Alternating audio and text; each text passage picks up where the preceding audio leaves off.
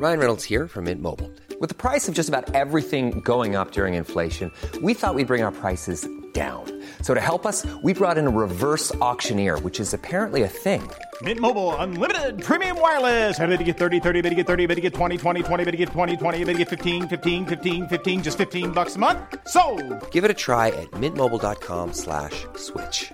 $45 upfront for three months plus taxes and fees. Promo for new customers for limited time. Unlimited more than 40 gigabytes per month. Slows. Full terms at mintmobile.com. I'm Sandra, and I'm just the professional your small business was looking for. But you didn't hire me because you didn't use LinkedIn jobs. LinkedIn has professionals you can't find anywhere else, including those who aren't actively looking for a new job but might be open to the perfect role, like me. In a given month, over 70% of LinkedIn users don't visit other leading job sites. So if you're not looking on LinkedIn, you'll miss out on great candidates like Sandra. Start hiring professionals like a professional. Post your free job on linkedin.com/achieve today. When you're ready to pop the question, the last thing you want to do is second guess the ring. At Bluenile.com, you can design a one of a kind ring with the ease and convenience of shopping online. Choose your diamond and setting. When you find the one, you'll get it delivered right to your door. Go to Bluenile.com and use promo code LISTEN to get $50 off your purchase of $500 or more. That's code LISTEN at Bluenile.com for $50 off your purchase. Bluenile.com code LISTEN. Halloj halloj, god morgon god morgon på er. Idag är det fredag, klockan är just nu eh, 05.50 på morgonen. Eh, igår var en riktig skitdag så därför hann inte jag spela in det här meddelandet innan. Eh, så jag gör det nu på morgonen så podden kommer väl ut typ eh, 10 över 6 idag istället om 20 minuter. Eh, ibland blir det så i livet att det inte blir så jäkla bra vissa dagar. Men som sagt var, det är ju fredag och då är det ganska gött ändå. Nu ska vi bara ut och knega här nu på morgonen och sen så blir det en härlig eftermiddag. Eh, jag vill bara meddela då att eh, på måndag nu så spelar vi in avsnitt nummer 100 där Glenn och jag är gäster. Så vill ni eh, ställa frågor eller om det är något ämne ni vill vi ska prata om så mejlar ni det till oss på gottannaglenn.gmail.com Eh, som är vår mejladress eh, så kommer vi göra detta och som sagt var, eh, vi vill ha svaren innan klockan tre nu på söndag. Så ja, är det något ni vill så kör ni på det. Annars så lyssnar ni bara nästa fredag ändå så kommer det avsnittet.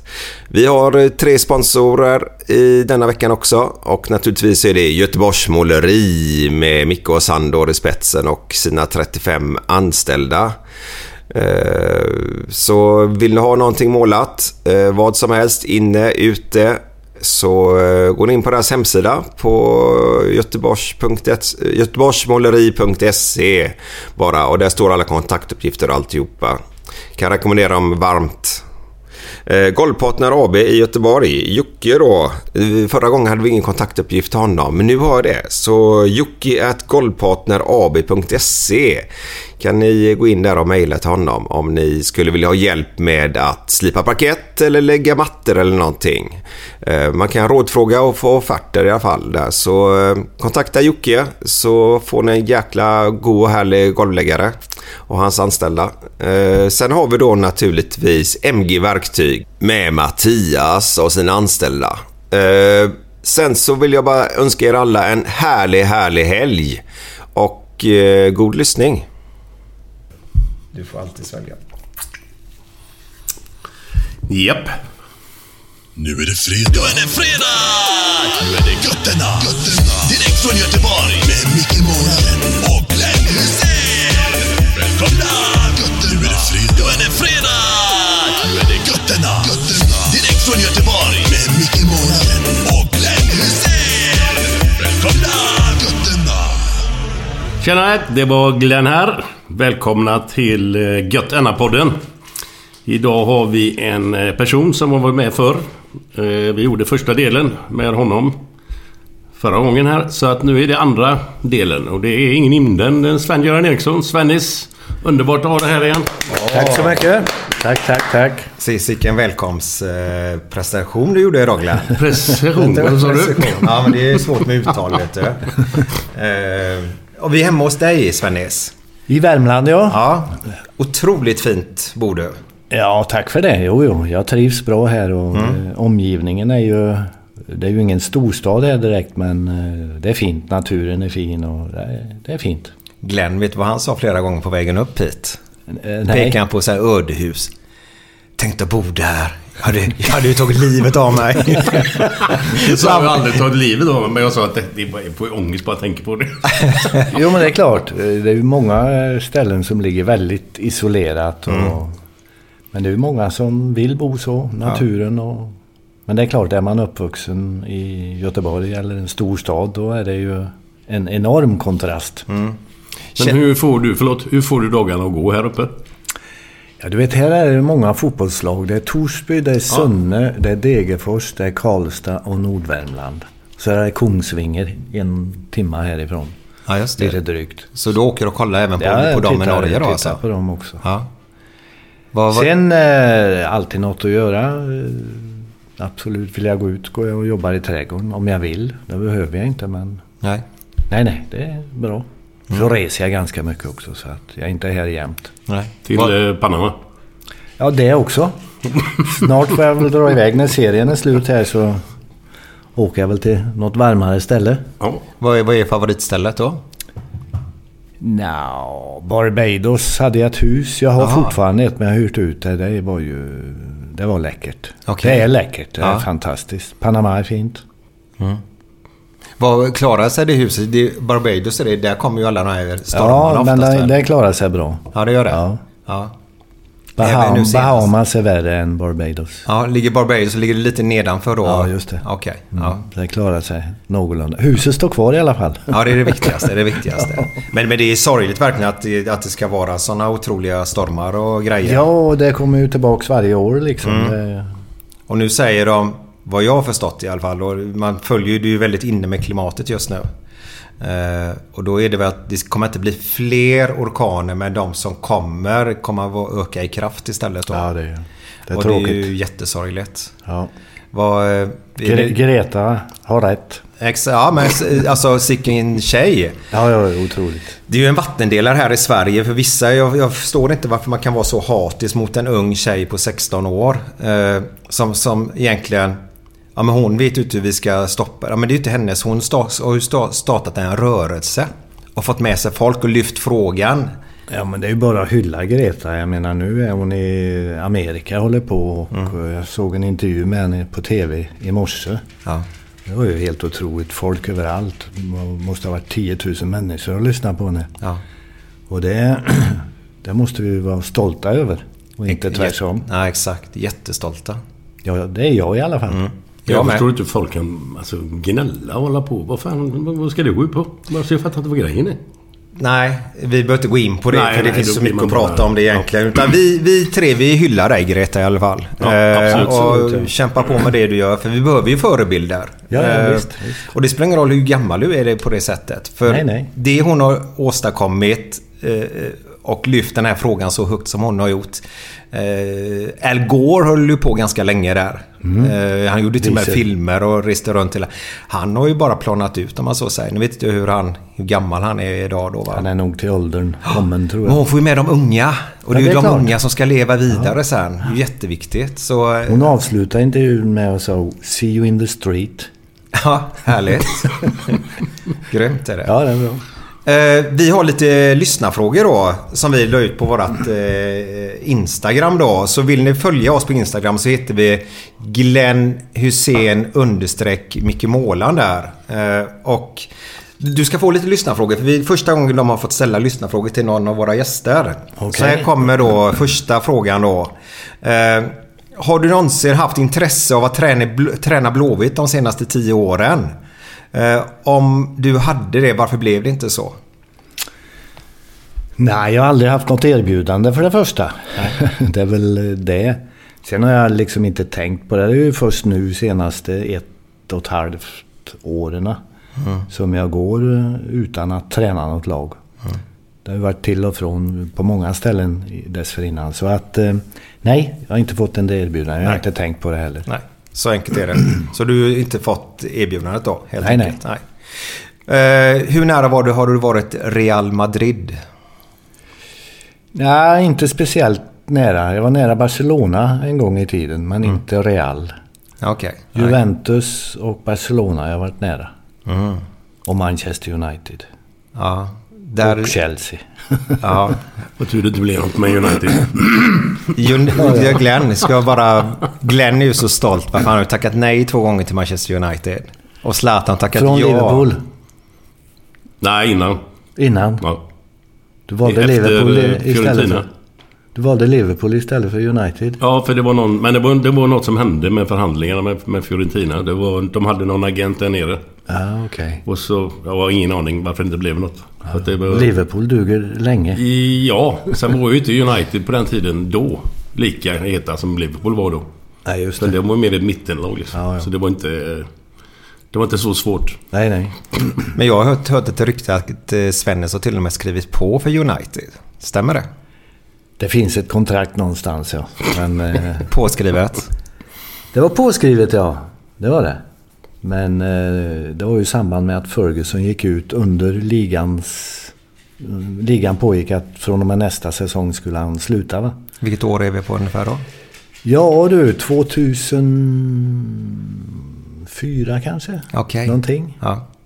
Men sen några veckor senare ångrade han sig va?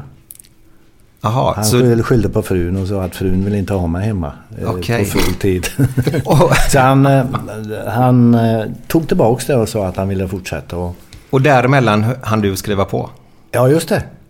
Jag var ju i England då, så det var ju inga problem för mig. Nej. Utan det var ju bara att säga okej då. Det, det gör Mm. ingenting. Jag fortsätter med England och det med jämt. Ja.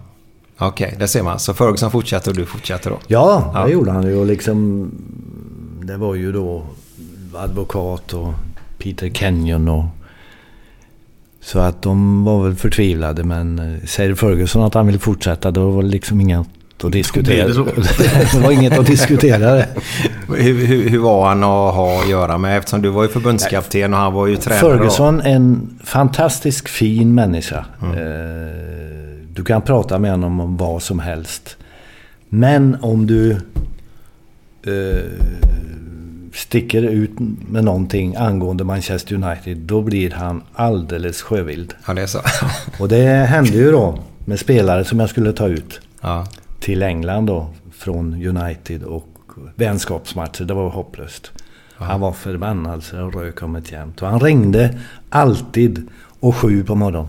Klockan sju på morgonen ringde han alltid. Han Så- ville något. Aha. Han var tidigt på jobbet. Men så han ville alltså inte lämna ifrån sig några det- spelare? nej, nej, nej, nej. Vänskapsmatcher, nej. kan du förstå honom lite grann från klubbtränarhållet? Jo, jag har ju varit klubbtränare själv Ja. och när jag hade Lazio det var ju likadant. Men jag ringde ju inte och skällde på förbundskaptenen. Det gjorde jag inte. Nej, det behöver man ju inte göra. inte klockan sju på morgonen. Det gjorde, det gjorde han. Han var vansinnig. Jobbigt att börja dagen med att vara arg. Ja, men om du stöter med Manchester United under hans tid, då Ja. fick du en ovän. Men det är ju hans lilla barn. Eller varit. Ja, absolut. Han, han var ju Manchester United. Jag saknar, om du förstår mig rätt nu, jag saknar Ferguson. För jag gillade det där när man var tränare länge i en klubb, om man säger. Ja, ja. Det, Jag är eh, bo- bombsäker på att han kontrollerar hur mycket salt det gick åt i köket också. ja, det var så. Han kontrollerar allt i den klubben. Ja. Allt. Men Men jag... samtidigt då, vet du, så... Eh, när jag var i Lazio så skickade jag Tord. Tord var ju med Mm. mig i Lazio. Till Manchester United för att titta på träning där och Mm. ja, fortbildning lite grann. Så jag, jag ringde till Ferguson och frågade. Ja visst, visst. Vad heter han som kommer? Ja, han heter Tord Grip. Så vid flygplatsen, vem står och väntar på Tord Grip där? Ferguson. Själv? Sin egna bil. Oj. Hämtar Tord och kör honom till anläggningen. Och det kan du ju inte tro. Det var ju väldigt Nej, fint. Nej. Ja. Men så är det fantastisk man. Hur, hur var han? Jag har ju hört det där att eh, efter matcherna förr i tiden så bjöd de ju alltid in till ett glas vin efteråt och sådär Alltid, då. alltid. Hur, hur, eh, har du varit inbjuden där också efter matcher och sånt då? Eller hur har det... Ja, det har jag ju men jag har mött Ferguson tre gånger. Okej. Och en gång var med Lazio, Supercupen i Europa. Och då vann Lazio. Sen med City två gånger då, hemma borta och vi vann bägge. Så jag har inte förlorat mot Ferguson än. Så att eh, han kom aldrig in till det där vinmötet utan Carlos Queiroz kom istället som var då hans... Ja, var han så sur Han alltså? var grinig. Oj! Förlora mot City, vet du, det var inte bra. Nej, för det var så roligt för jag och min pojk hemma. United eh, Ja. nummer ett i ligan. Och ni City var ju små skit om man säger. Alltså, Ja, lilla City på den tiden då. Ja. Mancini tog väl över efter dig i City sen? Eller vem var det som tog över efter dig? Det var en... Eh, vad hette han? Eh, Walesan. ja, Och, spelat i Barcelona. Ja, Mark Hughes. Mark? Hughes, ja. ja, just det. över. Han tog över. Ja. Tack. Sen kom Mancini. Sen kom Mancini. Ja. För då satt vi nämligen... Jag, jag gillar den här tiden när det inte... För det var inte exakt lika mycket pengar på den tiden i alla fall. Eh, då, då satt jag och min pojk hemma på den tiden, Erik. Och då... Eftersom du gick till City så började vi heja på City just... För jag gillar ju... Jag har sagt till dig Glenn innan. Jag gillar att följa tränare och spelare och sånt istället för själva laget då. Eh, och då kommer jag ihåg just de två matcherna som du vann det året. Då. Ja, ja. Och det räcker ju att vinna de två matcherna Ja, på den tiden. Ja, då var det Men du hade du lite oflyt där i City med att precis efter så kommer man in massa pengar så nu kunde du få lite spelare. Och, Ja. Var det någon som hoppade in där? Någon miljardär eller hur var det? Ja, det var ju från Qatar då. De köpte ju klubben. Mm. Av Taxen Shinawatra som var då min ägare så att säga. Han var ju före detta eh, premiärminister i Thailand. Ja, det var väl han som fick ex exil eller... Ja. Ja, det var en skitstövel. ja. Tyvärr. Vad, vad, han, vad tog han vägen sen då nu? Ja, du, han får inte komma in i varken England eller Thailand tror jag. Jag vet inte vart han är nu. Dottern blev Ja, premiärminister eh, exakt. så småningom. ja, Men Så han är fortfarande på flykt då alltså? jag vet Eller något? inte vart han är. Nej. Jag vet inte det. Har du mycket pengar så går det alltid att gömma sig en stund i alla fall. Det skulle jag tro att pengar saknar han inte. Nej. Men du, vilka var eh, de stora namnen i City då när du... Ja du. Ja, Mancini naturligtvis. Didi. Hamann var ju den... Ja, han var där en period då. Ja, Vad hette han mittbacken, den store... ja lagkapten ja. Ja. Just det. Ju. Engelsman eller? Irländare. Ja, han, Irländare. Kapten i en Irland. riktig sån där som man vill ha i sitt lag. Och... Ja. Elano, Petrov. eh, Vi köpte 7-8 spelare och det blev rätt nästan allting. Men ingen var känd. Nej, nej. Så vi låg ju tvåa till jul i ligan. Alldeles för bra för att vara sant, men det, så var det. Sen, sen gick det sämre. Men det var trevligt. ja, det var riktigt trevlig tid. Men du, Svennis. Fick du någon gång en tränarförfråga av Liverpool? En fråga här. Nej, aldrig någonsin. Aldrig någonsin? Tyvärr. Ja, det är ju ditt favoritlag. Det är mitt favoritlag. Ja. Hur, hur kommer det sig att Liverpool är ditt favoritlag? Ja, det var ju sen jag var liten. Min pappa eh, är fortfarande eh, både i livet och Liverpool-fan. Så det fick jag väl därifrån. Och sen i samband med att jag hade Degerfors och mitt första år i IFK så var jag i Liverpool och tittade på träningar och jag var med in in the boat room, bjuder in mig och ja, lärde känna klubben helt enkelt. Vad var det för bot? Vad hette det? Så Ja, det är alltså efter matchen så bjuds motståndarna in där då va? Motståndarnas Okej. tränare. Det är alltså där de hänger skorna. Jaha, Fotbollsskorna. okej. Och Bara som en bar där. Och där var jag hedersgäst då va. Jag kommer ihåg tränaren han sa att eh, det finns bara en regel här sa han. Du får prata om vad du vill bara inte om dagens match. Jaha, okej. Fick man inte. Nej. Annars kunde du prata vad som helst. Ganska bra regel på något sätt. Och då slogs ju Liverpool med United tror jag för... Det är alltså 1979 tror jag. Är det, är det Bob Paisley då? Eller vem är det som är tränare då? Ehm, jo, det var det nog ja. Det var det nog ja. Så i alla fall eh, efter en stund där i rummet eh, eh, drack en öl där tillsammans med dem så frågade jag hur gick det för United idag då? Ja, det vet jag inte, sa de. Jag visste säkert men han vill inte säga det. Ja, det var liksom... Vi har gjort vårat. Vi vann, Ja. sa han och sen... Ja, Ja, det- var roligt. Det räcker ju. Att vinna sin egna.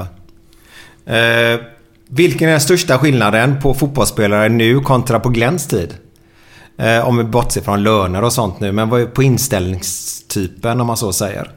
Är det någon skillnad? Nej, det tror jag inte. Fotbollen i allmänhet går ju snabbare idag. Mm. Det är mer one touch tror jag. Även om vi spelar one touch varenda jädra träning. Men eh, överlag tror jag det, lagen är mer aggressiva idag. Vi var väldigt aggressiva men det vi mötte i Uefa-cupen och så, de kände inte till det. Va? Men idag så är ju alla lag aggressiva. Till och med Messi pressar ju. Mm. Det säger ganska mycket. Sen mentalt och... Nej, det tror jag inte är någon större skillnad. Det tror jag inte är skillnad alls skulle jag vilja påstå. Nej. Du, professionella spelare på den tiden, det, de ville ju vinna, jobba hårt. Ja, men så är det. Ja. Det tror jag inte är någon skillnad. Jag kan tänka mig lite grann att det är lite mer... framförallt mittbackar då kanske, som jag själv har varit. Att de är mer tekniska idag. Än, vad, än vad vi var. Ja. De Men får nog träna teknisk, mycket. du var nej, nej, nej, nej, nej. Utan, nej, men jag tror att de är betydligt mer tekniska, alla spelare överlag idag, än vad de var då. Undantag Tobbe Nilsson då kanske. Ja, nej, men så, så är det. Men det, det hade du ju som specialitet. Idag är ju alla väldigt tekniska Ja, på, på ja. ett eh, sätt och det går väldigt snabbt som man så säger. Jag tror de de menar söker just... ju teknik och pace idag, va? Eh, snabbhet. Ja, Det är ju är, tränarna. Är det första de kollar på? Typ snabbhet? Ja, tar du Arsene Wenger när han hade Arsenal liksom. Det var ju teknik och eh, snabbhet. Vad var det Var du det- tittade mest på sen spelare när du ville ha... Nej, vi tittade ju inte på snabbheten. Vi köpte Håkan Sandberg direkt. Han var ju ingen raket. Men det var ju en enorm target player. Och Ja. klok och... Håkan till Blåvitt då? Ja, just det. vara. Håkan Ja. Sandberg till Blåvitt. Ja. Så att eh, man tittar ju på spelare som man trodde skulle passa in i systemet och så vidare. Och, Men eh, snabba spelare har ju alltid haft en stor fördel. Va? Och, Men idag är de flesta snabba och teknik som Glenn säger. Även mittbackarna ska ju vara med och spela idag. I eget straffområde helst ska de spela kortpassning. Ja, exakt. Ja, ja. Ja, det, ibland blir det lite väl mycket va? Är det, inte, är det inte lite befriande ibland med en tjongare? Oj, förlåt. Jo, det är det ju. Om du då tittar på fotboll på lite lägre nivå och eh, även i Allsvenskan ibland tittar på eh, lag som är oss varmt om hjärtat så står de och dräller med bollen i, och tappar den och så är det kontring och så kan det vara mål. Så är det fan upp med bollen ibland. Ja, exakt. Och sen kan du alltså spela Barcelona-spel på andra sidan plan, inte på egen plan här då. Nej. Nej, det är underligt. Jag har sagt det flera gånger också att... Det här med Ska boll... Ja, förlåt. Kör, Nej, nej. Kör. Ska du spela den fotbollen så får du ju ha spelare som Barcelona har. Real Madrid och Liverpool och så vidare idag. Men det har du ju inte överallt. Det är egentligen det som skiljer om man säger toppen kontra botten i Premier League. För jag ser ju att Premier League idag känns som att botten kontra toppen, avståndet där har blivit större mot vad det var förr i tiden. Har jag rätt eller fel där? Ja, det kan du nog ha rätt i. Det är svårt att klara av Liverpool och City idag. Även om City har startat sig sådär va. Men de trillar ju bort det. Och de startar från första minuten. Och det är svårt att stå emot va. Du får jaga boll så in i helvete så att... eh, Och de är ju skickliga va. Enormt skickliga. Ja, extremt skickliga. Ja, ja. Otroligt. Men det som är grejen idag tycker jag, det är med bollinnehav när det står procentuellt. Ja, visst, då är det ett lag 70-30 bollinnehav, men så är det ju för fan 35% är på egen planhalva. Alltså, Det är, det är sant. grejen. Ja, det är sant. Jag såg ju, mötte ett eh, Liverpool-Newcastle nu senast. Och så gjorde jag Newcastle 1-0 va? ja. Och sen såg jag lite grann på den här matchen och då... Alla 11 spelarna var ju på 33% av banan, alltså på sin egna planhalva då. Halva, halva planhalvan då så sett. Och det, alltså, i min värld, jag, jag, ursäkta mig men jag tycker den fotbollen den är inte rolig. Man bjuder inte upp till dans. Det är handboll ja. Det, det, man, jag gillar ju det där gamla engelska. Alltså man bjuder upp till dans. Alltså det är fram och tillbaka. Lite Hawaii kan vi kalla det då. Tränaren kanske inte gillar det, vågar jag inte svara på. Men jag tycker ju den fotbollen är otroligt roligare att se. Än kontra den fotbollen som, som uppspelades då eh, nu senast då. Eh, Det är vad jag tycker då. Men åker du till Liverpool idag vet du, då kryper du hem. För att de är så duktiga. Ja, de är för duktiga. Ja. Så det... Ja, ja. Så är det. Ja. Men jag ska få en fråga till. Sen ska vi snart avsluta det här med frågorna från våra lyssnare. Och det är största talangen som du har tränat men som inte slog igenom. Wow. För ibland kan man ju tänka sig varför blev aldrig han Nej, som nej. var så... Om vi tar Zlatan. de- pratar ju, nu var inte han... Nu pratar vi om junior. Men då var han typ femma, fyra, femma i sin grupp då. Och han undrar ju varför vissa av dessa killarna inte blev duktiga allsvenska fotbollsspelare då. Sådär. Men har du haft någon sån här riktig supertalang som varit ganska ung men som inte klarar av att ta det sista, sista, sista steget? Ja du, jag kan inte komma på det just nu. Nej. Gör du det under podden så får du bara hojta. Ja, ja, det ska jag göra. Den största bråkstaken som du har tränat? Det är sista frågan. Av våra lyssnare. Ja, det är inte så ofta jag har haft det, men jag har ju rökt ihop med ett par. Och det har ju slutat på samma sätt att jag fick sparken. Nej, fick du sparken? Ja. Vad är detta? Vil- Vilka spelare var detta? ja, en var Boniek i Roma. Ah, Och det gick ju så långt så att jag gick till presidenten och sa han eller jag. Och då hade vi, han nyss köpt Boniek va. aha.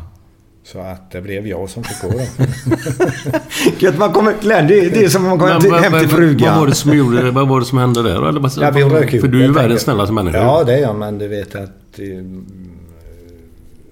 dumheter va. Eh, Egoist.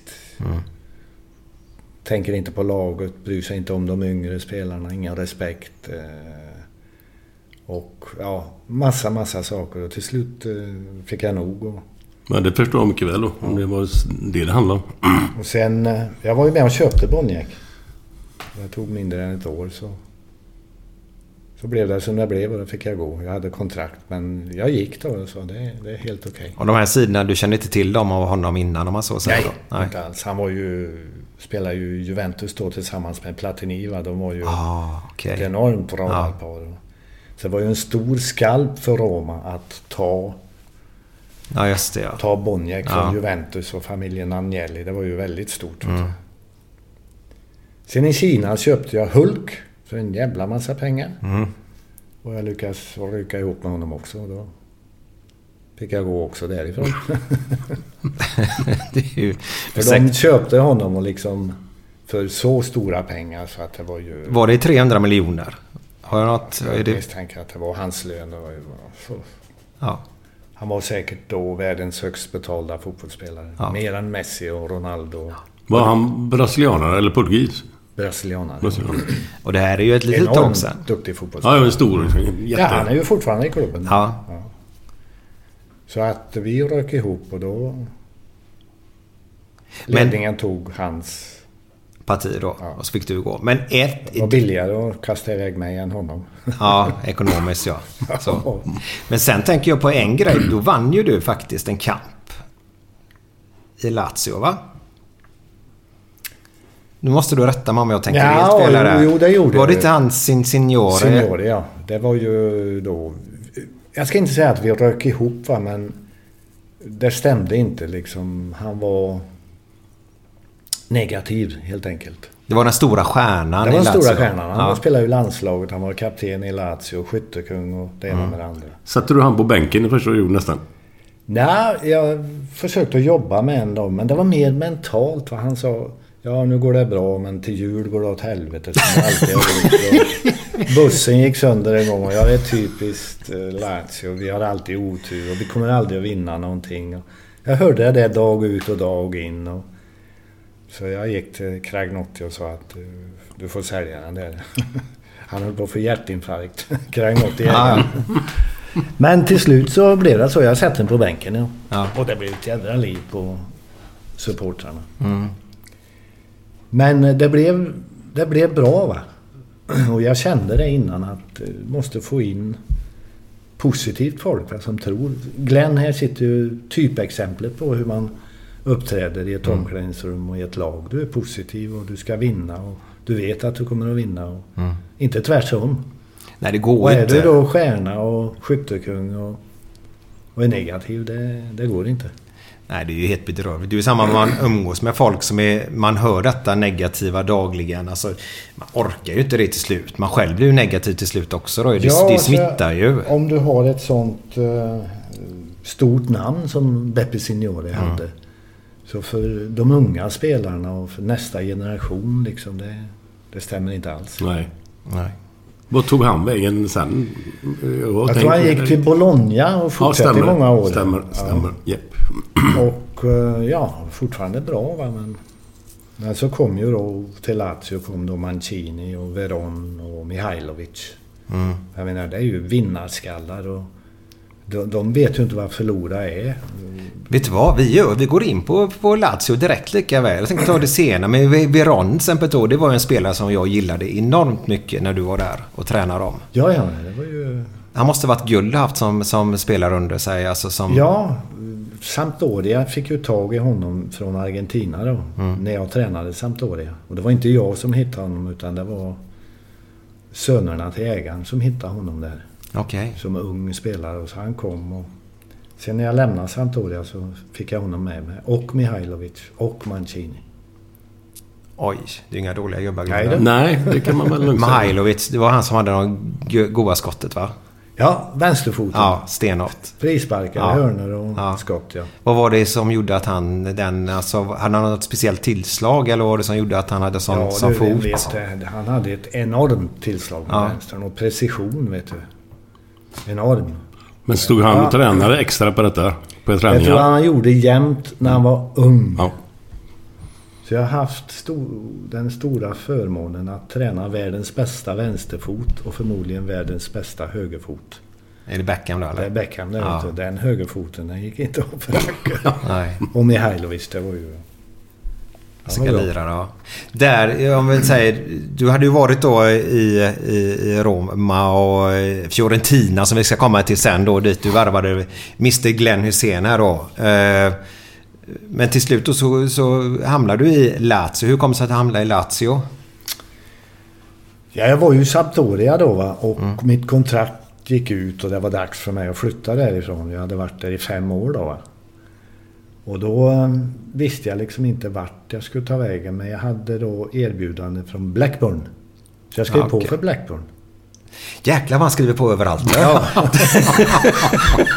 Exakt. Blackburn, vilket år är vi på då? För Blackburn var ju bra men det var ju tidigt. Nu tänker jag bara säga Patrik Andersson spelade han i Blackburn och vann... Eh, Nils-Erik Johansson spelar i Blackburn. Ja, men- Niklas Alexandersson spelar i Blackburn. ja men då, han vann ju ligan då väl? Men Ja, Daglish Black- tränar ju dem när de vann ligan va? Ja, det tror jag. 80, 95.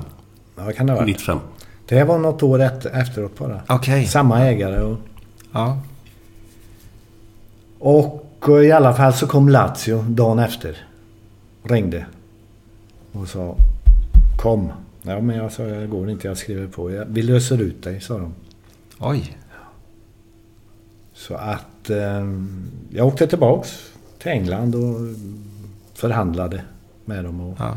Till slut sa ägaren, han sa jag river kontraktet, sa han. Det, Ja, vad snällt. du är en trevlig kille, sa han. Och jag skulle ha gjort som du gör, sa han. Lazio är bättre än Blackburn, sa han. Jaha. Det regnar mindre i Rom. Ja, det är ju sant. Jag kommer ihåg... Eh, ja, det var väl när Beckham gick till Real Madrid där. Så, så gjorde han reklam för, för någon sån här eh, telefon. Någon, någon sån här Vodafone eller någonting tror jag det var, hette det på den tiden. Gjorde Beckham det? Ja, men då gjorde han så här, då filmade han ju så här när han var i Real. Och där var det strålande sol. Och sen tog de in tre United-spelare då. Som, som filmade sig själva. Det var det ösregn då istället var snålblåst. ja, det var riktigt rolig den här rekl- reklamen. Men då blev det till Lazio då. Men väldigt snällt gjort av den eh, ägaren där Ja, i ja. Blackburn. Och, Absolut. Fin man, Ja. och så kom det till Lazio då. Ja. Och då... Jag bara tänker så här, när man... Du som skrev på som... Alltså jag har väl varit i många klubbar. Där skriver på lite överallt. Det lägger vi åt sidan va? Ja, jag har inte ens hört det. Eh, vad är det som gör att... För dig själv nu Sven, vad är det som är den stora grejen i att du skriver på för en förening? Eh, för pengar har du själv sagt, det är du ganska ointresserad av. Ja, delvis ja. Idag är jag eh, ganska ointresserad av pengar. Ja. Absolut.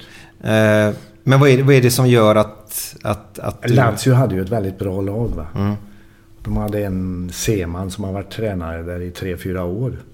De hade ju Beppe Signori och Casiraghi och nästa en ung kille som var... Nästa och mittbacken.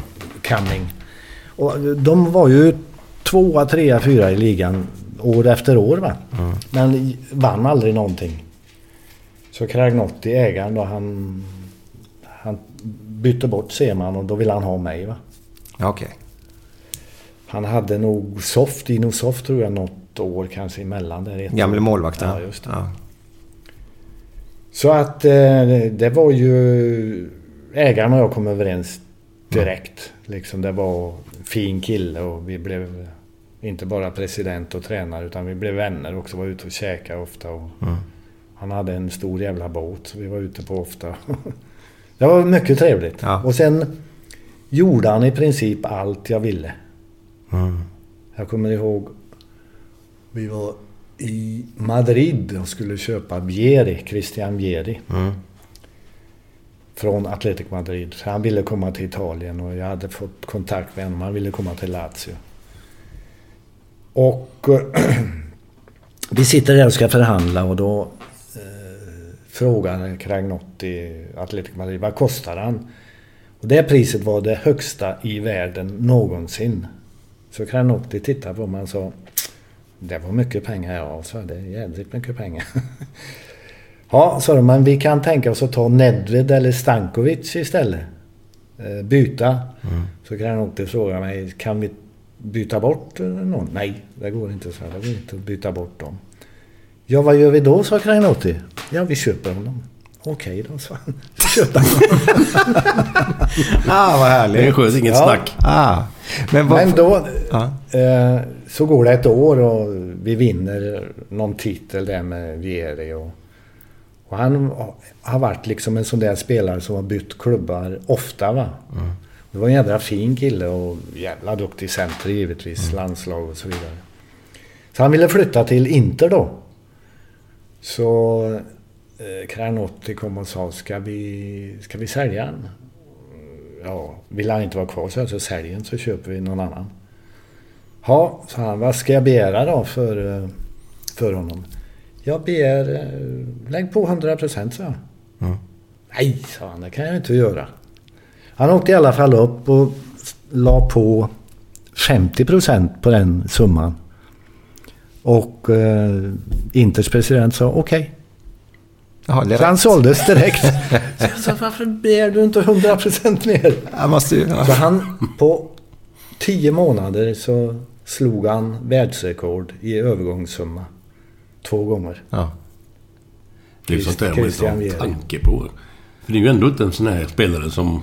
Nej. Som är typ Messi eller Ronaldos Nej, nej, nej, men klass han- liksom.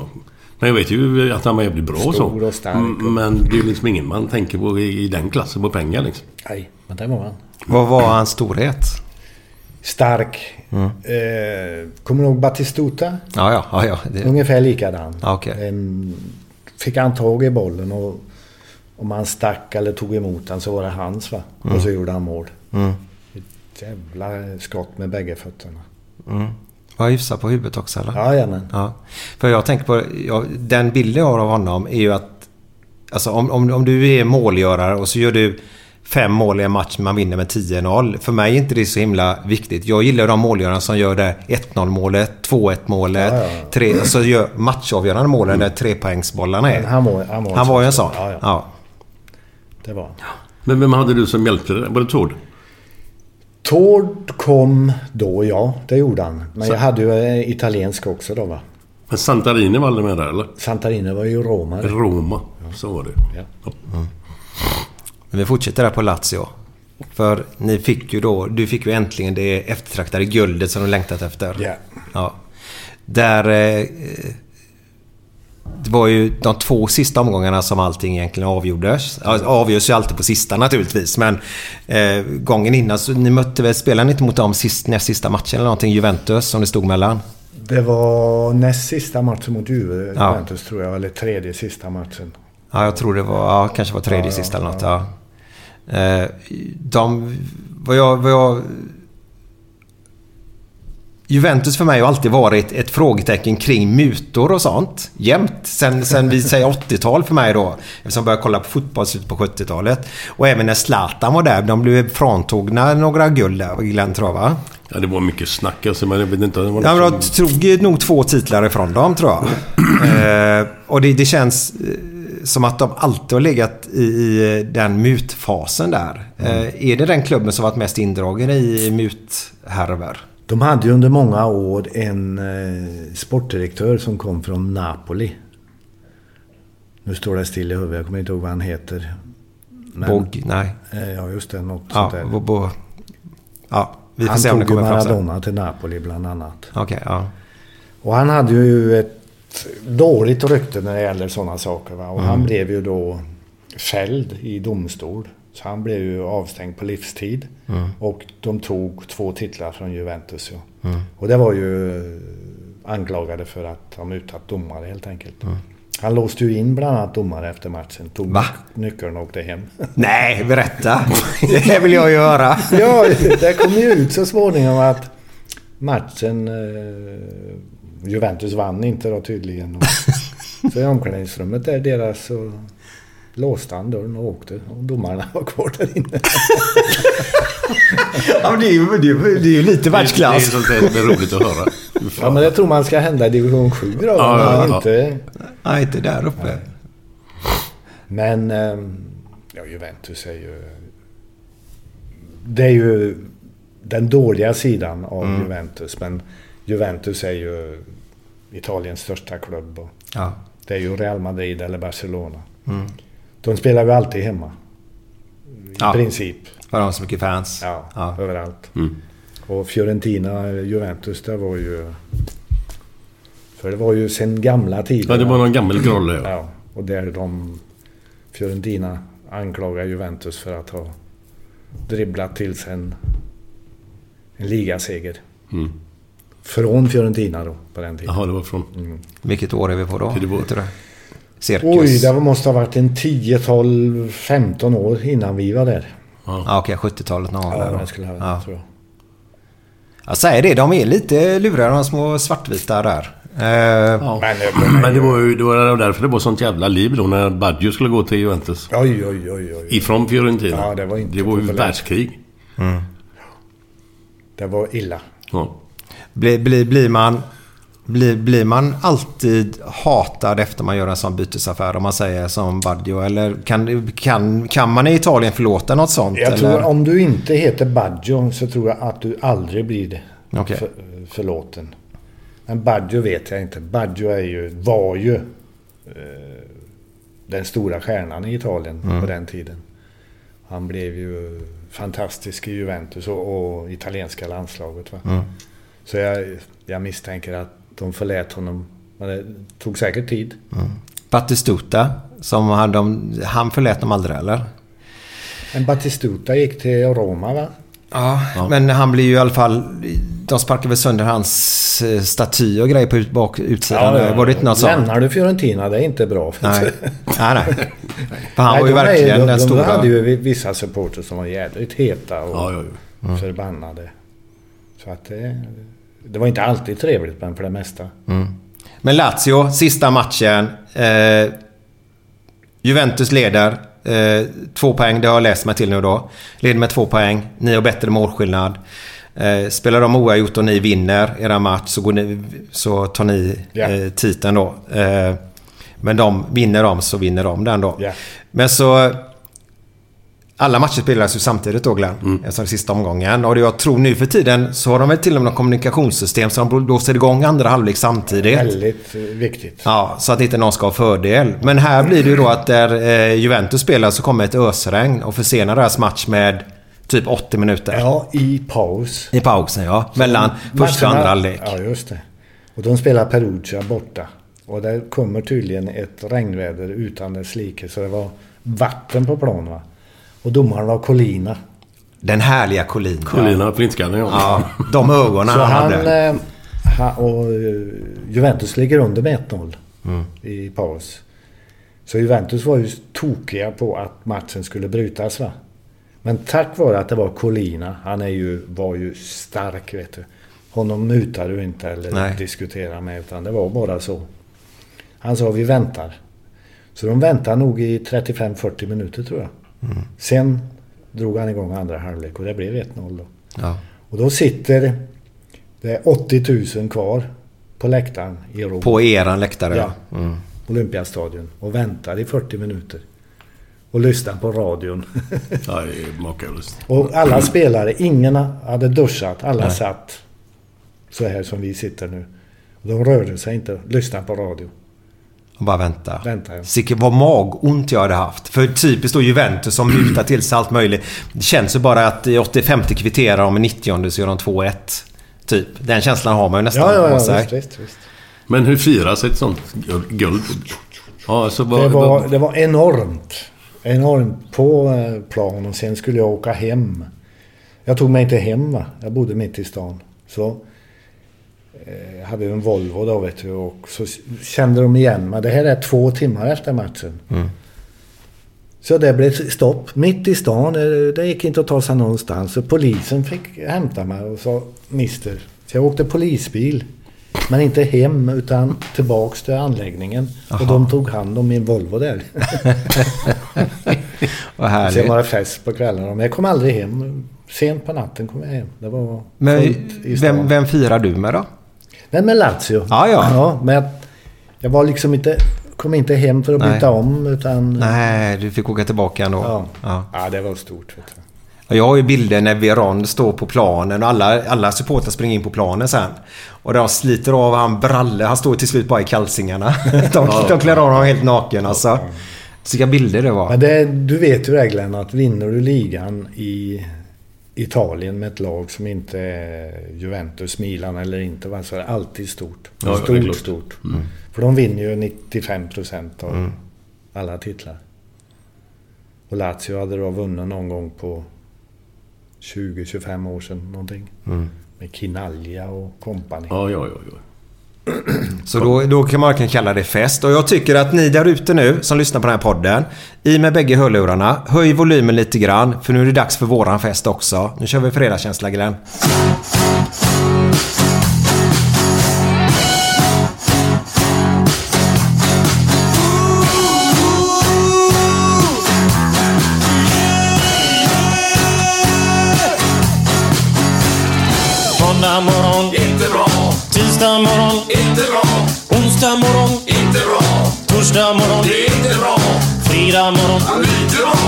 Fredag lunch.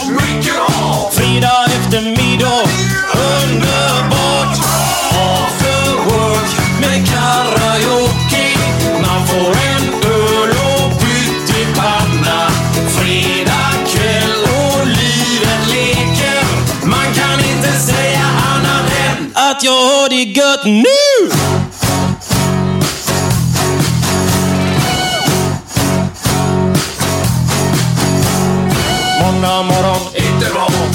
Tisdag morgon, inte bra. Onsdag morgon, inte bra. Torsdag morgon, inte bra. Fredag morgon, lite bra.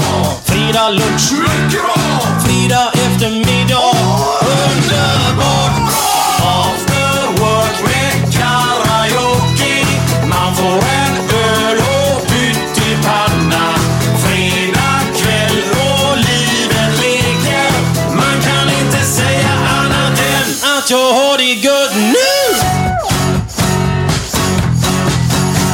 Ja, det var den gamla klassiska. Björn Rosenström, After Work.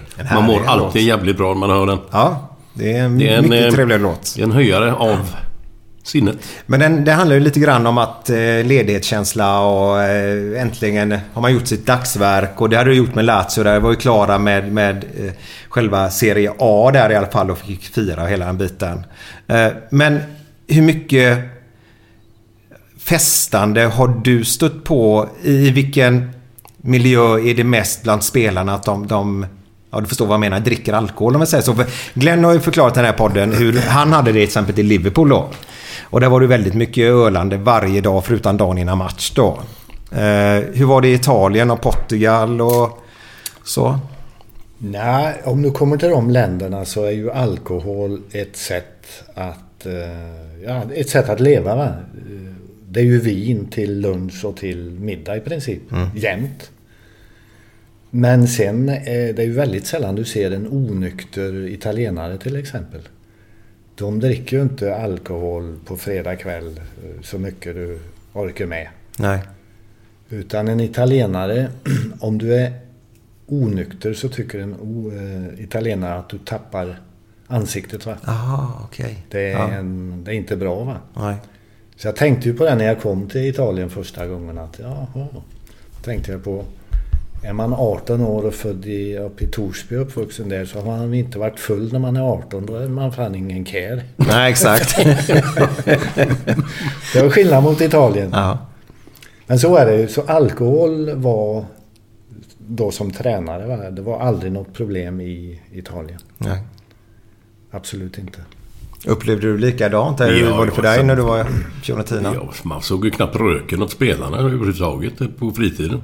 Alltså, det var väldigt sällan vi var ute och käkade sådär eller... Nej. Det hände ju väldigt sällan alltså. Berodde det på att det var mer italienare i laget eller berodde det på att det, att det bara var så? Eller vad? Nej men jag vet inte om det beror på det som Svenny säger här att det är alkohol och det här att det inte alls samma. Det är ju som natt och dag liksom England och Italien. Herregud. Ja, ja, just England var ju känt på den tiden. Därför ty tyckte jag ju lite grann att, inte bara för att man ska dricka alkohol, men i England att man, man lärde ju känna spelarna på ett helt annat sätt. Även när man träffar dem på utsidan av fotbollen bara, och då efter. Att familjer och så träffar man liksom i Italien. Jag tror inte jag träffade alla familjerna. Nu var det unga killar de flesta, men... Det var ju någon som hade barn i alla fall. Ja, de var ju italienare allihop. Ja. Frånsett, eh, det var, vem var det? Ja, för- Diaz? Diaz första året. Och Och, sen så var- det Dunga andra året. Dunga, ja just det. Och det- Så bara italienare då. då. Inget fel på dem, det är inte det jag säger. Men just när det gäller alkoholbiten eller umgås privat så var det ju väldigt lite. Ja, det var det. Medan i England var man ute med familjerna på söndag eftermiddag kanske. Och med gungor och grejer. och Ungarna satt där och gubbarna drack bira och de andra satt bredvid tjejerna. Och hade, ja, alla lärde ju känna varandra på ett helt annat sätt. Men jag har ju den där, vi pratade om fördomar förut lite grann innan podden här. Vi pratade om fördomspodden tror jag vi kommer in på på något sätt. Eh, Så har jag ju fördomen att i Italien så är det mer att man umgås i lite större grupper och sånt. Men det, det var inte alls den känslan du hade när du var där Nej, inte, inte det jag upplevde av det. Nej. Nej, jag tror att italienarna umgås med varandra, tror jag. Ja, okej. Lite grann. Jag, Ja. Det kan ju också vara språket lite grann. där. Ja, ja. Italienarna, de var, var ju på den tiden då värdelösa på engelska. Okej, ja. Du hittar ju inte knappt någon italiensk spelare som jag kommer ihåg som pratar engelska. Nej. Utan det var ju italienska. Mm. Så att det kan nog bero på det väldigt mycket också. Spännande. Glenn, har du lite nivåsättning eller? Ja, det kan vi väl åstadkomma. Jag vet inte om du kommer ihåg det. Förra gången vi spelade in podd eh, nummer ett då så körde ju Glenn sina, sina nivåsättningar. Vi ska se om han kör bättre nivåsättningar då eller Jag kommer inte ihåg vilka det var då, men... eh, Kör du på, varsågod. Jag kom bara på... Alltså den här tycker jag är rätt så... Fin. Det- var ett äldre par som hade lite problem med sexlivet och de hade testat Viagra och grejer och... Ingenting funkar liksom. Så åkte, gick de till läkaren och så... Så sa han så här att vi kan... Jag har testat en ny metod de senaste åren här som har funkat jättebra. Ja okej, okay. vad är det då? Jo... Jag opererar in en magnet i din penis och så opererar jag in en metallbit i din frus mutta. Det brukar funka, sa han. Så hade de bestämt då att de skulle komma tillbaka en månad senare. Ja, Återbesök då. Så, kommer ju damen då, ensam. Lite ledsen och moloken och sådär. Vad är det? Så läkaren bara... Nej, min man han sitter inne. Va? Vad är det som har hänt? Ja, han var nere på Vallalabadet och så ser man förbi en unge som hade tandställning.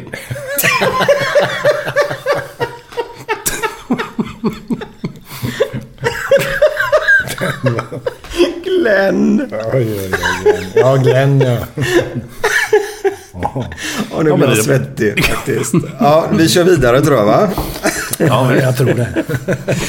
Det- Förra podden vi hade med dig så, så, så kom vi in på lite grann på, på Gascoigne. Ja. Våran härliga, härliga gamla fotbollsspelare som... Idag har inte jag riktigt koll på hur det går för honom. Men han har ju varit illa där han med, med alkoholen och... Kanske något mer, det vågar inte jag svara på. Men alkoholen vet jag i alla fall. Eh, men så vi pratade så sa du att jag har lite härliga historier om Gascoigne. ja, han spelade ju i Lazio under eh, två år tror jag. Någonting. Ja. Han blev svårt skadad där också. Jag tror han fick benbrott där. Okej. under en tid. Men i alla fall så spelade han där och han blev ju otroligt populär bland alla så att säga. För det är ju en, var ju en, ja, han hittar alltid på någonting va. Och Gascoigne han är alltså hyperaktiv Han behöver inte sova speciellt mycket. Nej, okej. Och någonting måste hända va. Han är född sån. Och det är typ en sjukdom helt enkelt. Ja. Det lärde jag mig i England när jag var förbundskapten där att han var sån. Jag kommer ihåg Sampdoria Lazio eh, så ska han, blir han varnad och dom, domaren ett eh, gult kort till Gascoigne. Och Gascoigne han gör så här. Och så gör han så till domaren. Då har han ett tuggummi. Eh, sån här. Nej, ja, mitt, mitt under matchen. så han gav honom ett kort. Ehm, ja, Dino Soff har ju historier att berätta om honom. Och en gång hade väl någonting hänt och uh, Dino Soff blev förbannad. De, de är på... Innan match helt enkelt. De ligger på hotell någonstans. Så Dino Soff skriker till lagledaren. Se till att Gascoigne kommer hit nu. Direkt nu. Till Mitterrand. Och det tog en halv minut så står Gascoigne där, spritt språngande naken. Nej. Inte kalsonger på. Ja, minister sa jag att jag skulle komma direkt. Här är jag. Ja, Massor med sådana saker. Vet du. Och eh, Seman, kommer ni ihåg honom? Ja, ja. Tränare. Han röker rätt friskt va? Ja, han rökte ja. Och en butter man liksom och tuff. Väldigt tuff. Han hade ju en visselpipa som han har ärvt av sin far tror jag. Oj. Som var helig så den hängde alltid på hans krok. Va? När han gick hem så hängde han upp den där. Så en kväll då så lagledaren som du kollade allting och han var väldigt noga med allting. Jag hade honom som lagledare sedan, sen också då va. Så ser han visselpipan är borta. Så han blir ju förtvivlad den här eh, lagledaren. För han tänkte imorgon kommer Seman och inte visselpipan där då jävlar. Så han ringer Gascoigne och säger Är det du som har tagit visselpipan? Ja, kanske det, sa han. Ja, var är visselpipan? Seman kommer imorgon bitti. Vi måste få tag i visselpipan. Du måste ge mig den. Och så han, när du åker hem, sa han, så åker du förbi ett stort gärde med en massa eh, såna här bockar, getter och bockar. Ja, just det. Ja. Om du letar efter den största manliga bocken så har han kanske en visselpipa runt halsen. Nej. Så lagledaren där sent på kvällen var ute och jagade en stor bock och fick tag i visselpipan. Nej. Det är ju underbart. Typiska Sånt kan ju spår. inte hända idag. Det går ju inte Nej. Synd bara att det, blir ett, ett, ett tragiskt öde när det blir som det blir till slut då. Där med Gascoigne. Ja, jag känner honom och träffar honom många gånger. Det är en väldigt fin kille. Och... Men tyvärr hamnade han snett då va? Jag såg någon bild på honom för ett tag sedan. Han ser ju ut som han är 100 år. Ja, tyvärr. Det sliter hårt. Eh, droger alltså. Jag hörde en historia om honom. Eh, jag kommer inte ihåg vem det var som berättade det, men han hade någon kompis som han kallade för triple belly. Alltså han var ju hur stor som helst. Tremagen. Aha, okej. belly. Belly och mage. han var ju hur stor som helst. Och när han spelade i, i Lazio så bjöd han ju ner honom. Och han var lite rädd för att flyga. Den här, vad kommer han nu, jag kommer inte ihåg vad han hette nu. Och så var det jävligt trångt. Han var ju stor och fet liksom. Så han skulle flyga. Då hade han jävlats bara då, Gascoigne, eller Gascoigne. eh, Och eh, beställt en biljett via Moskva, Köpenhamn. Så han flög från tre, fyra, fem olika ställen innan han kom ner till Rom. Nej. Ja, det är nog typiskt honom.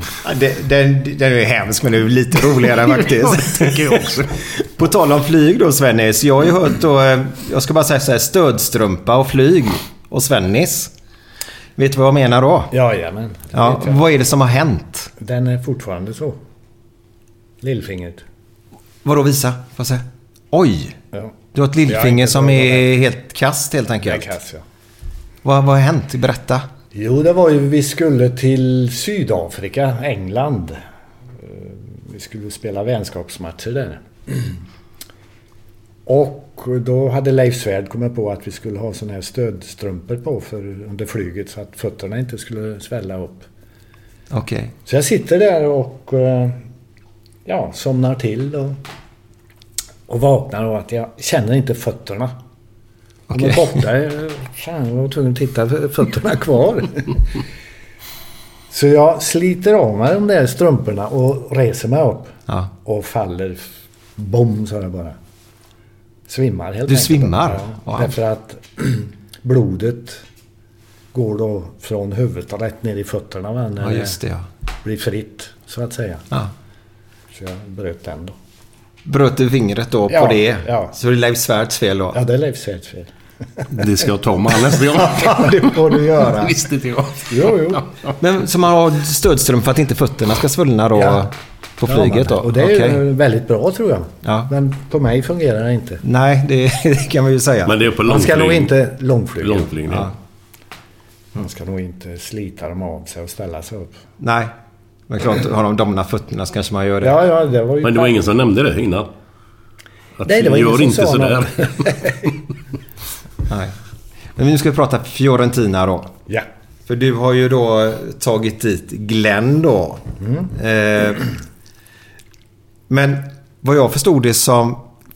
För du...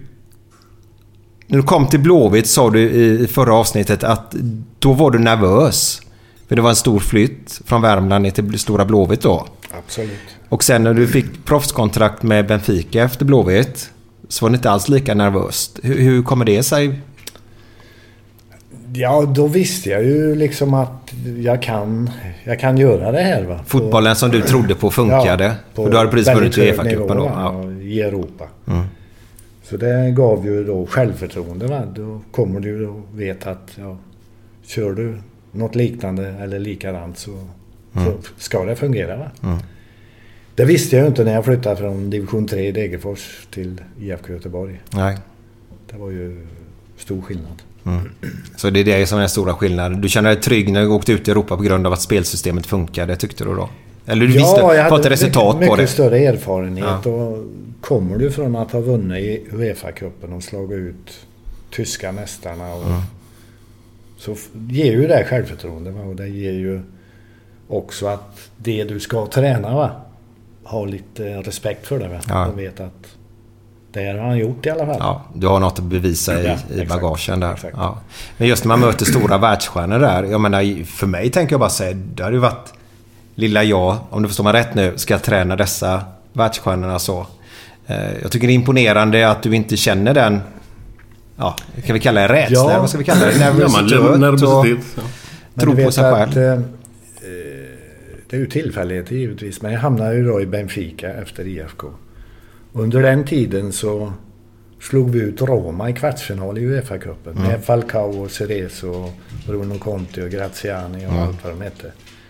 Vi Vilka slog ut- lirare, Glenn. Ja. Och sen kom jag till Roma och fick de här spelarna. Och det är klart att de eh, tyckte wow. Mm. Det var ju bra. För jag hade ju redan tvålat till dem där. Ja, exakt. Ja, just det. Ja. Så du bygger ett namn på vägen Ja, och just det är det, just lättare. det, ja. Så då är halva din... När du hade, kommer in i ett nytt om... hade vi förlorat 7-0 mot Roma så Ja. hade det inte varit lika lätt att Nej. komma dit. För då måste du bevisa något för dem. Exakt. Ja, det är bra. Men jag tänkte på det, när du var där i Benfica så försökte du värva eh, våran härliga Torbjörn Nilsson dit ner. Mm. Eh, men på något sätt, eh, vad jag läste i din bok, så tackade han ju nej och gick till Kaiserslautern istället var det va? Kaiserslautern. Ja. Eh, om man ser sig tillbaka till historien så här eh, med Torbjörns då, ska vi kalla det psyke. Hade inte det varit en väldigt trygghet för honom att ha haft en tränare som både trodde på honom och han hade kunnat känna sig trygg med om man säger? Eller är det jag som Ta ute och... och- Nej, jag... Ta och pressa Torbjörn nästa gång. Ja, Så måste han innerst inne tycka att han gjorde fel. ja. Det är jag övertygad om. Jag Ta han på gymmet. Glenn. Ja. Fråga honom. Han skulle ha flyttat dit. Ja. Han hade blivit den vite Eusebio. Han hade vänt ut och in på allt i, i portugisisk Helt fotboll. övertygad om. ja, det är så. Jajamän. Ja. Det jag var helt övertygad om det. Med hans... Stor och stark där bland portugiser. Bra teknik och snabb och fy fan. Han hade... Det skulle ha varit succé, garanterat. Ja, det är så. Vad var det för forwards de hade där då? Eller, eller Jag hade en som stjärnor? hette Nené. En, eh, Han var lite äldre. Han var, spelade i portugisiska landslaget. Så hade jag en jugoslav, som det hette på den tiden då. Hey, I'm Ryan Reynolds. At Mint Mobile, we like to do the opposite of what Big Wireless does. They charge you a lot, we charge you a little. So naturally, when they announced they'd be raising their prices due to inflation, we decided to deflate our prices due to not hating you. That's right. We're cutting the price of Mint Unlimited from $30 a month to just $15 a month. Give it a try at mintmobile.com slash switch. $45 upfront for three months plus taxes and fees. Promo rate for new customers for limited time. Unlimited more than 40 gigabytes per month. Slows. Full terms at mintmobile.com. Hey, it's Danny Pellegrino from Everything Iconic. Ready to upgrade your style game without blowing your budget? Check out Quince. They've got all the good stuff shirts and polos, activewear, and fine leather goods, all at 50 to 80% less than other high end brands. And the best part? They're all about safe, ethical, and responsible manufacturing. Get that luxury vibe without the luxury price tag. Hit up quince.com slash upgrade for free shipping and 365 day returns on your next order. That's quince.com slash upgrade. Millions of people have lost weight with personalized plans from Noom, like Evan, who can't stand salads and still lost 50 pounds. Salads, generally, for most people, are the easy button, right? For me, that wasn't an option. I never really was a salad guy. That's just not who I am. But Noom worked for me. Get your personalized plan today at Noom.com. Real Noom user compensated to provide their story. In four weeks, the typical Noom user can expect to lose one to two pounds per week. Individual results may vary. Lipovic, duktig. Men jag menar, de var ju inte i närheten av vad Torbjörn var. Nej. Torbjörn var ett steg ovanför helt enkelt. Ja, ja, okej. ja. Två steg till och med. Två steg till och Ja. med. Ah, vad synd. Men det får vi aldrig reda på. Men Strömberg tog du dit i alla fall. Ja, efter ett halvår så kom Strömberg. Ja. Ja, vi behövde en... Den typen av mittfältare. Va? Mm. Jag hade tagit Glenn också, men jag hade två som spelade i landslaget, portugiser. Okej. Och så fick vi inte ta hur många utlänningar som Nej. helst. Brassar kunde du ta, men inte övriga. Vänta, och nu hänger, som, man fick ju ha hur många brassar som helst i laget, Ja, eller vadå? vet, Portugal och Brasilien är ju... Ja, just det. Ja. Det var ju koloni en gång Ja. i världen så att de... Pass kunde de Ja. fixa hur som helst däremellan. ja, för de pratar ju portugisiska Ja, i ja, Brasilien visst, också. visst, visst, Mm. Då är jag med. Då är jag med. Eh, Strömberg dit. Och sen din tredje värvning då av en svensk, eller en Blåvitt-spelare då. Är det Glenn i Fiorentina som blir det då? Ja, Ja. det är det. Är det någon mer Blåvitt-spelare du har eh, tagit till dig sen under den här Nej, resan? sen min andra sväng i Benfica då kom ju Jonas Tern och Mm. Stefan Schwarz va? Men det var ju Malmö-killar det. Då måste jag bara fråga Schwarz där. För jag, jag såg en sån här härlig tröja på honom. Eh, jag var och kollade på Arsenal mot Sheffield W tror jag det var på, på Highbury förr i tiden. Och då kom han, han precis kommit från, från Benfica. Eh, och så är det en, en t-shirt. Jag ångrar att jag inte köpte den. För då är det en bild på Stefan Schwarz. Och det, i Arsenal hette han Schwarzenegger. Gjorde han. Och så är det en bild på honom när han kommer med dubbarna farande i midjehöjd mot en kille då. Ja, den är så jävla snygg var det. Jag ångrar att jag inte köpte den. Men den var så, ja. Och där nere i, i Benfica, hur var Schwarz? Ja, min, eh, det andra gången jag var i Benfica. Då var ju Mats Magnusson redan där va. Och sen kom to, eh, Jonas Tern och så kom eh, Stefan Schwarz. Ja, de gjorde ju kanonjobb där. Vi vann ju ligan och vi spelade dessutom final i Champions League. Förlorade mot Milan. Okej. Oj. Gjorde vi. Fick man ha tre ut, Ja, alltså då fick- utländska spelare? fick då? man ha tre. Ja. Så att de var ju väldigt duktiga. Stefan blev allvarligt skadad. Han blev... De sparkade benet av honom så han var borta ganska länge. Åh fan. Han var ju tuff där vet du. Ja, det var det jag tänkte komma in på. Hur var han så hårdnackad som man har hört alltså? Stenhård? Stenhårt. Ja. Träning eller vad som helst. Han small på hela tiden. Och inte ett ord sa han. Han var tyst. Ja, ja. Ja. Men jag som lagkompis där på Mitt träningen. sista år i Benfica så... Jag bodde lite utanför Lissabon. Och hade en tennisbana där va? och spelade mycket tennis. Och Mats spelade tennis och Jonas spelade tennis. Så jag hade... Så när vi har vunnit serien, när jag ska flytta härifrån. Så grillar vi hemma och så spelar vi tennis en turnering. Ja, visst. Mats sa ju hur bra han var. Jonas berättade hur bra han var och jag berättade hur bra jag var. Stefan sa aldrig någonting. Jag sa, ska du vara med och spela tennis? Ja, han, det kan jag väl vara. Har du spelat tennis? Ja, sa han. Du, vi började den där turneringen. Han sopade banan med oss allihop. Vi hade inte en chans. Han hade aldrig sagt ett ord. Ja, jag älskar det. Ja, älskar det. Talespråket då. Eh, låg- tala i silver, tiga i guld. Han log lite grann bara. Var det inte han som eh, satte in den här våldsamma tacklingen på Paul Scholes? När Scholes hade gjort någonting på någon annan från början. Ja, Håkan Mild svensk. gjorde ju Scholes. Men Scholes satte väl Dubbarna i, Håkan Mild, ja. Mild, Och ja. sen ju, ju, ju, gav väl han igen Schwarz. Mycket möjligt. Kommer inte jag I ihåg slutet så. på matchen.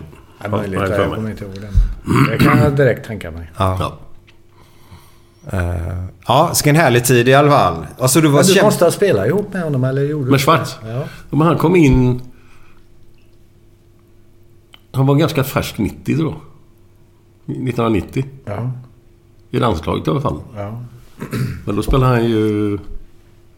Han spelade väl inte vänsterback när du hade... Spelade mittfältare då, Ja, jag tror han spelade vänsterback då. Ja, just det. Men eh, nej, suverän gubbe på alla sätt och vis. Vad vad gick han sen efter Arsenal? Vad mer jag vet då. Ja, nej. Inte jag heller. Nej. Jag säger Tyskland säger jag då. Bara för att han har den spelstilen. Inte en aning. Inte ens just Schwarz. Tysk namn. Ja. Nej, jag vet inte vart han gick. Men Fiorentina då, så tog du dit eh, Glenn Hysén och så skulle du då byta spelsystem också då. Men vad var det som gjorde Glenns storhet här nu lite grann? För nu vill jag ju att höra den här pojken sitta jämt med. Vad var hans storhet som, som lirare, förutom den positiva om man säger så? Eh, vad ville du att Glenn skulle införa i Fiorentina som... Vi skulle ju då... Fiorentina hade ju spelat med Libro dessförinnan då. Vad hette han? Din företrädare? Han hette... Achilles Pin eller vem? Eller Pin och- Battistini? Eh, Nej, det, Ja, ja. Passarella. Passarella. Passarella. Ja, Passarella, ja. Mm. Han gick till Inter. Och Passarella var ju egentligen en libero, va? Det var ju ingen som spelade zonspel i eh, fyrbackslinje. Nej. Så det ville jag ju spela då, för det var det enda jag kunde. Och då ville jag ju ha en jämte pin då. Mm. Som kunde det där och det föll sig ju naturligt. Han var ju för fan en av Europas bästa eh, försvarsspelare på den tiden. Mm. Om inte nummer ett. Så det var ju, ja.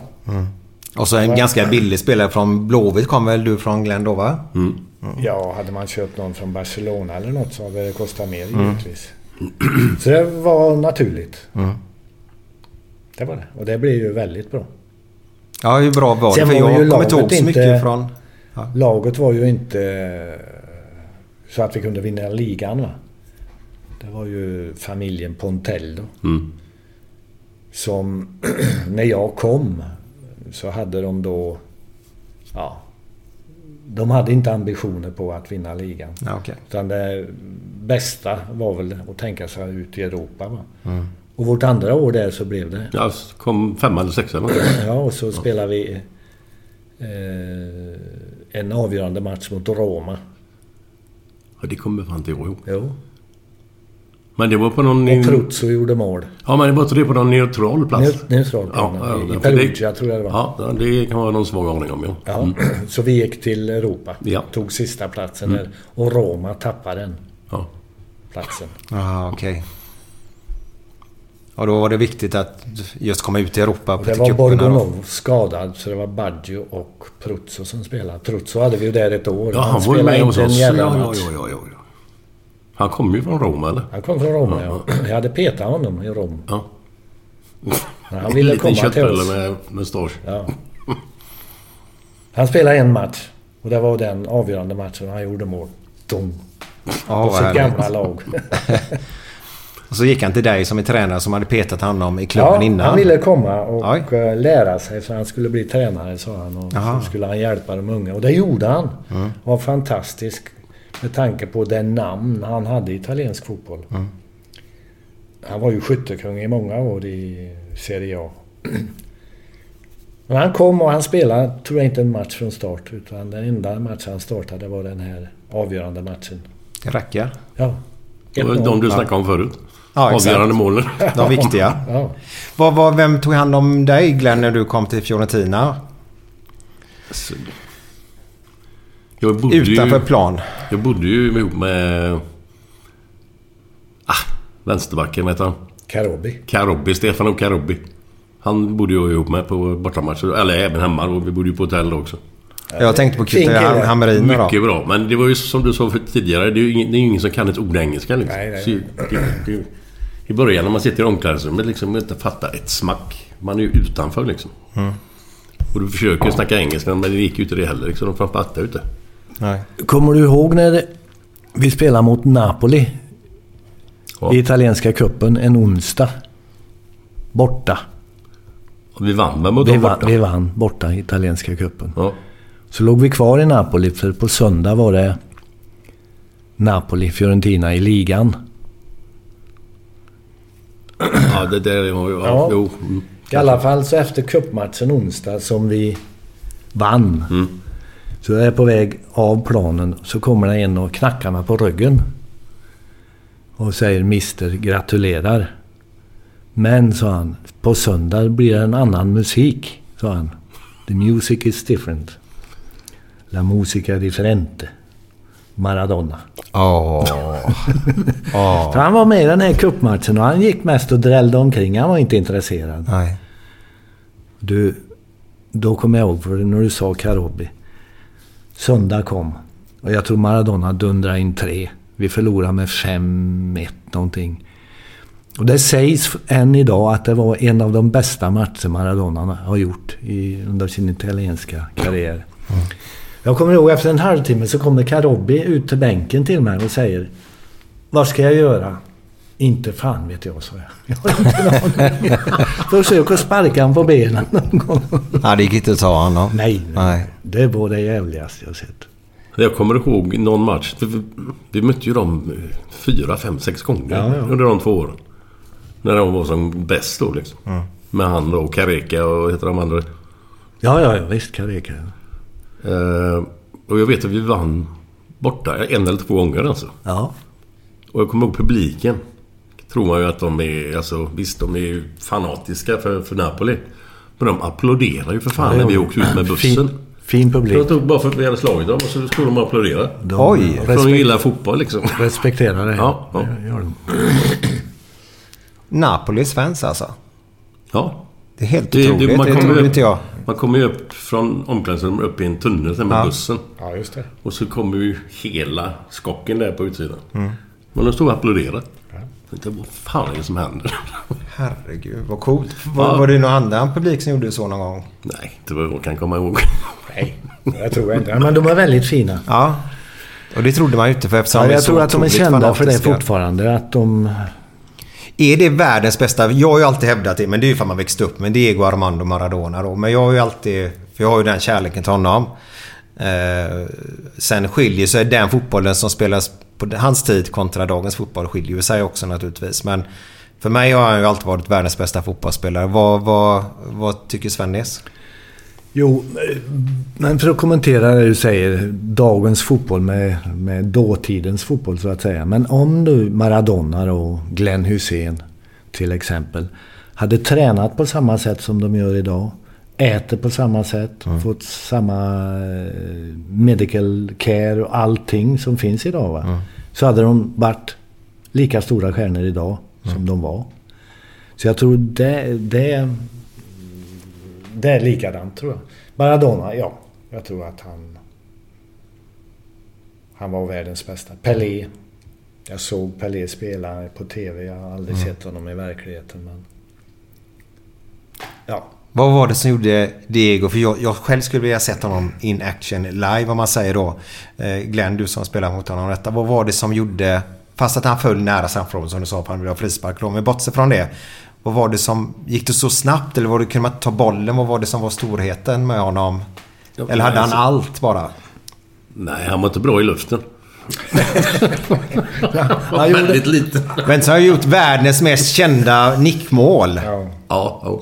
The, Men- ha- the hand of God. Yes. Ja. Men han, alltså, han har ju sån låg tyngdpunkt och så liksom bollen så nära fötterna så du kan ju fan inte...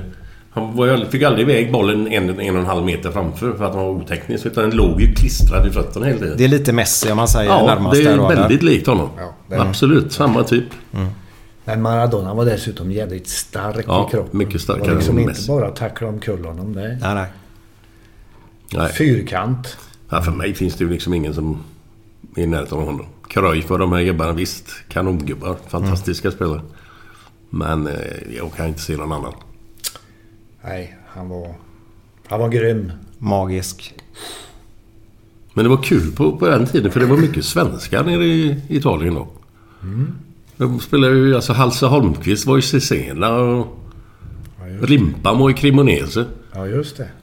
Det var han ja. Och så eh, Empoli, Johnny Ekström. ja. Det var ju svenskar i varenda klubb nästan. Utan just toppklubbarna då kanske. Strömberg var väl kvar i Atalanta? Strömberg var Atalanta och Prytz var där också. Ja, En, det var en säsong ja. eller så. Dan var i Como. Ja, Det, kan Dan ju, Börjesson. det finns ju många som helst. Mm. Och på den tiden var det två utlänningar bara va? Ja. Ja, det var det. Vad var det, kommer du ihåg i 90-talet där eh, Svennis, när, när Milan började köpa upp alla, alla spelare? Eh, gjorde, Papin köpte de upp och satte på bänken. Nästan. Papin tyckte jag var också en jäkla skön lirare. Eh, för då köpte, om jag, mitt minne då inte, köpte de upp massa spelare, satte dem på bänken för de fick bara ha tre, tre utländska spelare på plan var det va? Eller var det tre i själva truppen kanske då? Så satt ju en del där. Eh, När för- kom, när kom Bosman-domen? Ja, den kom ju efter 96 skulle jag säga. Nu har jag jättefel säkerhet. 95, 96 eller? Jag skulle, Eller kom säga, tidigare? jag skulle säga 92 eller sådär. Okej. Men det var inte 100. Nej. Nej. Eh, vi kollar det sen i nästa Ja, paus. ja, helt yes, enkelt. yes. Eh, men det här ger mig ångest Glenn faktiskt. Så... Eh,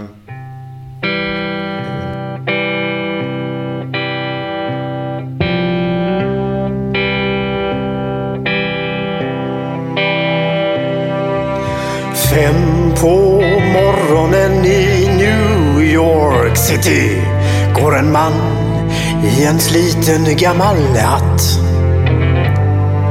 Sveper rocken kring den tunna kroppen, huttrar till. Det har varit kallt i natt. Ser en strumpa sticker ut ifrån hans sko vandrar vidare men utan framtidstro. Fem på morgonen i Hallonbergen står en kvinna med gråten i sin hals. Tittar håglöst in i morgonsolen.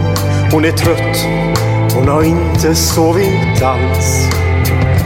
Två av fem miljarder människor på vårt klot. Men mot deras ångest finns det ingen bot.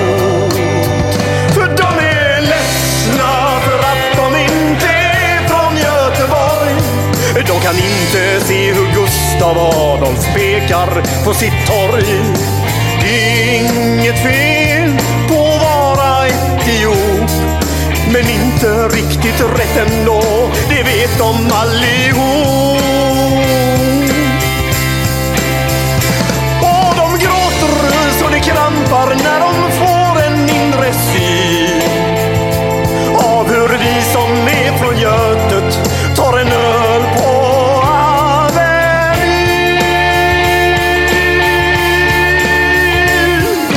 En fotbollskille får sitt genombrott och snackar proffskontakt med fem italienska klubbar. Ändå känner han att tåget har gått. En annan gubbe med en ollontusing och en latextjuva skriker ta mig ur röven gubbar. Men det ger honom inte nåt. Samma tomma blick och tårar salta smak. Om man frågar säger båda samma sak. De är ledsna för att de inte är från Göteborg. De kan inte se polisen dunka buss på Schappans torg. Det är inget fel på att vara från Mölndalsbro. Men 14 stopp med fyran svider mer än man kan tro. Och de gråter så det krampar när de får från Götet? Har vi vi som är från Götet? Ja, där hade vi den goa låten igen. Jävlar anamma. Ja, exakt. Och nu var det så här... Och de är ledsna. Extremt ledsna Ja. är de. Eh, och det var ju så här att eh, vi satt här och pratade och så började vi prata om Bosmandomen då som vi ska ta fram när den kom nu då. Men så var du inne på att du skulle få ta över Milan eh, när Rijkaard, eh, Van Basten. Gullit, Van Basten spelar där. Ja, de kom dit eh, då. Och då var jag, var jag i Roma. Och Berlusconi hade nyss köpt Milan. Och han ville ha mig. Därför att Roma hade då spelat ett fantastisk fotboll året innan. Men det visade sig då att eh, han trodde att mitt kontrakt gick ut och det gjorde det inte. Så han skällde ut Galliani där framför mig så det sjöng om det. För, för att... Jag hade kontrakt med Roma ett år till. Aha, Så okej. Berlusconi sa Tror du att jag ska gå in och bråka med senator Viola det första jag gör och ta hans tränare? Jaha. För han hade nyss köpt Milan då. Så han tog Sacchi. Okej. okej. Och Berlusconi blev ju han som blev eh, premiärminister. Tack Vad heter det i Italien? Premiärminister. Ja. premiärminister. Det blev han ju tack vare att han blev känd med Mm. Milan. Mm. Och ägde en massa tv-kanaler och allmänt rik. Ja, ja, ja. ja visst. Han sa till mig där på natten att eh, folk tror att jag ska göra Milan till Italiens bästa lag. Och det, det är inte sant, sa han. Det är inte sant alls. Jag ska göra Milan till världens bästa lag och det ska gå fort. Oj. Det ska gå jävligt fort. Vilket år är vi på nu då? Ungefär? Det måste vara mitt sista år eh, inför mitt sista år i Roma. Det är så här 84, 85, 85 Ja, måste det ha varit. okej. Och då köpte han Gullit, van Basten och Rijkaard. Mm. Men då måste ju de ha spelat när jag var där, i Fiorentina. De var i Milan alltså? För de kom dit 85-86 någonting då eller? Ja, det måste de För jag kommer inte ihåg vilka de hade. Och jag vet ju att eh, vi har ju tyskarna i Inter också. Klinsmann, eh, Breme, Breme. Matteus. De, de spelar ju Inter och de andra tre holländarna spelar i Milan. Ja. Och för mig är detta typ ja, 88, 89 där någon gång. Men jag vågar inte svara på det. Ja, jag kommer inte ihåg om han köpte alla tre på en gång. Nej. Nej, det måste vara... Rijkaard kan ha kommit senare kanske. Mm. Han kom från Sporting Lissabon tror jag. Mm. För då Det var det tre senare, ja. utlänningar på plan man fick ha i alla fall. Ja, jag tror det. Men det var väldigt Sen fina hade matcher på den tiden. Ja, och eh, Milan fick ju ett lag som... Puh, Mm. Baresi, Maldini. Costa Curtan. Costa Curtan. Och högerbacken var inte rolig heller. Tassotti. Ja. Det var inte lätt att ta sig förbi dem då. Nej. Och sen kom Andreas Andersson och Jesper Blomqvist och gubbarna. ja, man ska inte förringa dem. De Nej, det ska man absolut bra. inte göra. Nej. Men efter Papin och Schullit och gubbarna så. Jo. så känns det man till lite skillnad då. Absolut. Men vi pratade om Bosmandomen. Du var inne på 80 och du var 92 där. Eh, slut på 80 var du inne på Svennes där. Nu har jag tagit fram det här. 15 december 1995. Kom Bosmandomen. Var det så sent ändå? Jag sa 95-96 av för mig. Men då innan. fick man ha tre utlänningar alltså. Innan då, ja. I italienska ligan. Ja, stämmer nog ja. Ja. Sen med Bosmandomen vet jag inte det med hur många spelare man får ha om det har kontra. Det vet jag inte. Bosmandomen var väl egentligen bara att man inte kunde stå under ett kontrakt. Att klubben inte ägde den på det sättet. Ja, plus Det var ettårsfallet där. ta in europeer va? Det är mycket möjligt. Eh, Bosmandomen, ja skitsamma. Jag vet, Ja, ja. jag vet inte om den har att göra med hur många spelare man får i ett lag. Det Jag kommer jag inte ihåg. Jag tror det. Men, då är min stora fråga till er två herrar. Vad är skillnaden på kvinnorna i Italien och England? Glenn. Vad är det för skillnad på dem? Ja. Ja, jag kan ju bara säga det som, ja, det som är enklast. De ser jävligt mycket bättre ut i Italien än vad de gör i England. Så enkelt är det. Mm. Ja. Håller du med Svennis? Ja, jo det gör jag väl. det, men överhuvudtaget va så... I Italien så... Mycket går ut på att det ska vara vackert va. Mm. Om det är funktionellt eller inte. Nu pratar jag inte om kvinnor Nej. speciellt men vad som helst. Så har mindre betydelse va. Men det ska vara vackert. Mm. Eh, och det är ju italienarna kända för. Och historien, gamla romarriket och Ja, så vidare. Det var ju vackert då. Så en italiensk kvinna klär ju upp sig och är Mm. väldigt eh, elegant. Lite mer kvinnlig också Ja, väl? ja, absolut. Ja. Det finns vackra engelskor också. Jo, jo, jo. Men generellt så... det är ju lite... Det känns som det är lite mindre metoo i Italien än vad det är i andra delar av världen. Kan man nog säga kanske. Lite så. Eh, Ja, ja. Men du kommer ju till härliga England. Du får alltså ett samtal och blir förbundskapten. Första utlänningen någonsin att bli förbundskapten för ett, ett eh, för, för Englands herrar då i fotboll. Eh, var det chockerande? Jag fick ju ett samtal under en sån här, eh, när landslagen spelade. Så jag var på Malfikusten i tre dagar. Var, vart ligger det? Det ligger eh, i närheten av Napoli. Okej. Vackert som Ja. satan. Och jag får ett telefonsamtal under tiden när jag är på väg dit. Eller ja, jag är där i alla fall. Och då hade England nyss spelat på gamla Wembley mot Tyskland. En VM-kvalmatch inför VM 2002. Mm. Och de hade förlorat 1-0. Mm. Mål av Didi Hamann på frispark. Okej. Så jag får ett eh, telefonsamtal av en agent som var på stadion på Wembley. Frågar vill du bli Englands förbundskapten? Jag sa That's a joke.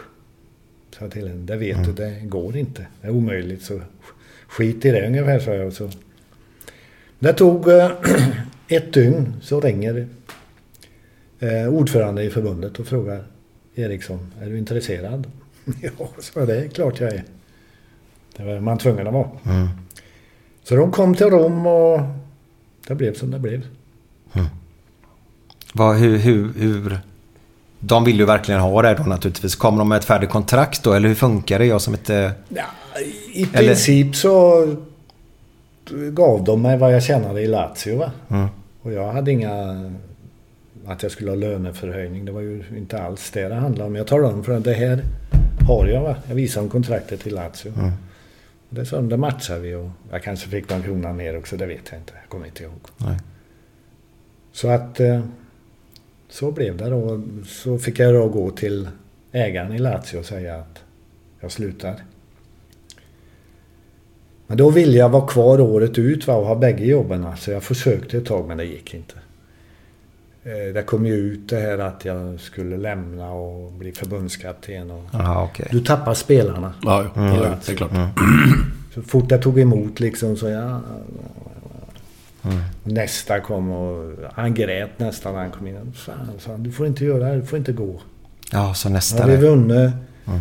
sju titlar på tre år, sa han. Och så har du byggt det här laget och så sticker du. Mm. Så de kände sig svikna på något sätt. Va? Ja, okej. Ja. Så att det gick inte utan jag, jag slutade dag. Vi hade förlorat en match. Jag tänkte det här går inte. Men slutar ni, eftersom du spelar, du är lite grann som de säger, där har ni byggt upp detta tillsammans och sen när ni är på toppen så drar du. Ja. Men var det, var det goda miner när du lämnade eller var det... Ja, Kragnotti då, ägaren. Jag sa att nu slutar jag, men det kan du inte göra, sa han. Men vart ska du gå? Är det pengar? Vill du ha mer pengar eller? Nej, sa jag, det, det, det är inte det. Ja, vilken klubb är det? Det är ingen klubb, det är ett landslag. Ja, vad fan, ett landslag, sa han. Ska du till Sverige? Nej, England, sa han. Åh fan, sa han. Då förstår jag, sa han. Ja, okej. Ja. Så han... eh, Okej, sa han. Ja. Hur länge var du förbundskapten? Fem och ett halvt år. Och det blir väl i alla fall en kvartsfinal i VM, om inte mer. Två. Två. Två kvartsfinaler i VM och en kvartsfinal i EM. Så jag gjorde tre turneringar. Och Mm. Två av dem utslagna på straffar. Jävla skit. Ja, vi kom faktiskt in på det när vi åkte hissen senast. Jag vet inte om du kommer ihåg det. Ja. Var någonting du ångrar då? Och där var det just med straffarna du pratade om i hissen där med mig. Jag skulle ha tagit en mental tränare för den typen av straffar. Mm. Jag trodde vi, vi var starka nog och erfarna nog. Men det visade sig ju då att eh, det som missade straffar var Frank Lampard och Steven Gerrard. Som slog dem i Chelsea och Liverpool Mm. hela tiden. Och aldrig missade någon nästan. Exakt. Mm. Och dåliga straffar. Mm. Men vad tror du hade en sån... Beckham missade dessutom. Ja. Baggio missar 94. Ja. Håkan Mild missar 94. Men var det den som Beckham sköt över? Ja. ja. Vad, eh, vad hade, en, en eh, mental coach kunnat... Jo, det är ju på det sättet att du kan träna mycket på straffar och så va. Men du kan aldrig träna en sån grej va. Du vet att om du är spelare, du vet att det är helt avgörande. Du ska spela semifinal eller du åker hem. Och det är Mm. VM. Där sitter hur många miljoner sitter och tittar. Och, Ja, det är nog en miljard och nästan du på TV. går från mittlinjen dit. Hur många tankar Mm. springer runt i huvudet på det? Det är liksom inte en ligamatch. Och det är liksom inte i 40 minuten. Du har en, en halvlek på det att fixa till det. Utan här är det hem eller fortsätt. Mm. Och du kan aldrig träna det va? Det är inte tekniken och... Nej. och vi, Jag försökte att träna det och det var tävlingar och de gick från mitten och allting va. Mm. Det då som inte var vana att slå straffar. Jag var på dem och sa Du bestämmer dig för ett hörn långt innan. Där ska straffen sitta va. Hårt. Det visade sig att det som tog straffar varje helg för sina klubblag, det var det som missade. Mm. Och det är ju mentalt va. Ja, fast om du tränar på träning, du kan ju aldrig bygga upp inramningen. Helt omöjligt. Ja. Får aldrig till det va. Men hur, hur togs det emot liksom? Var det...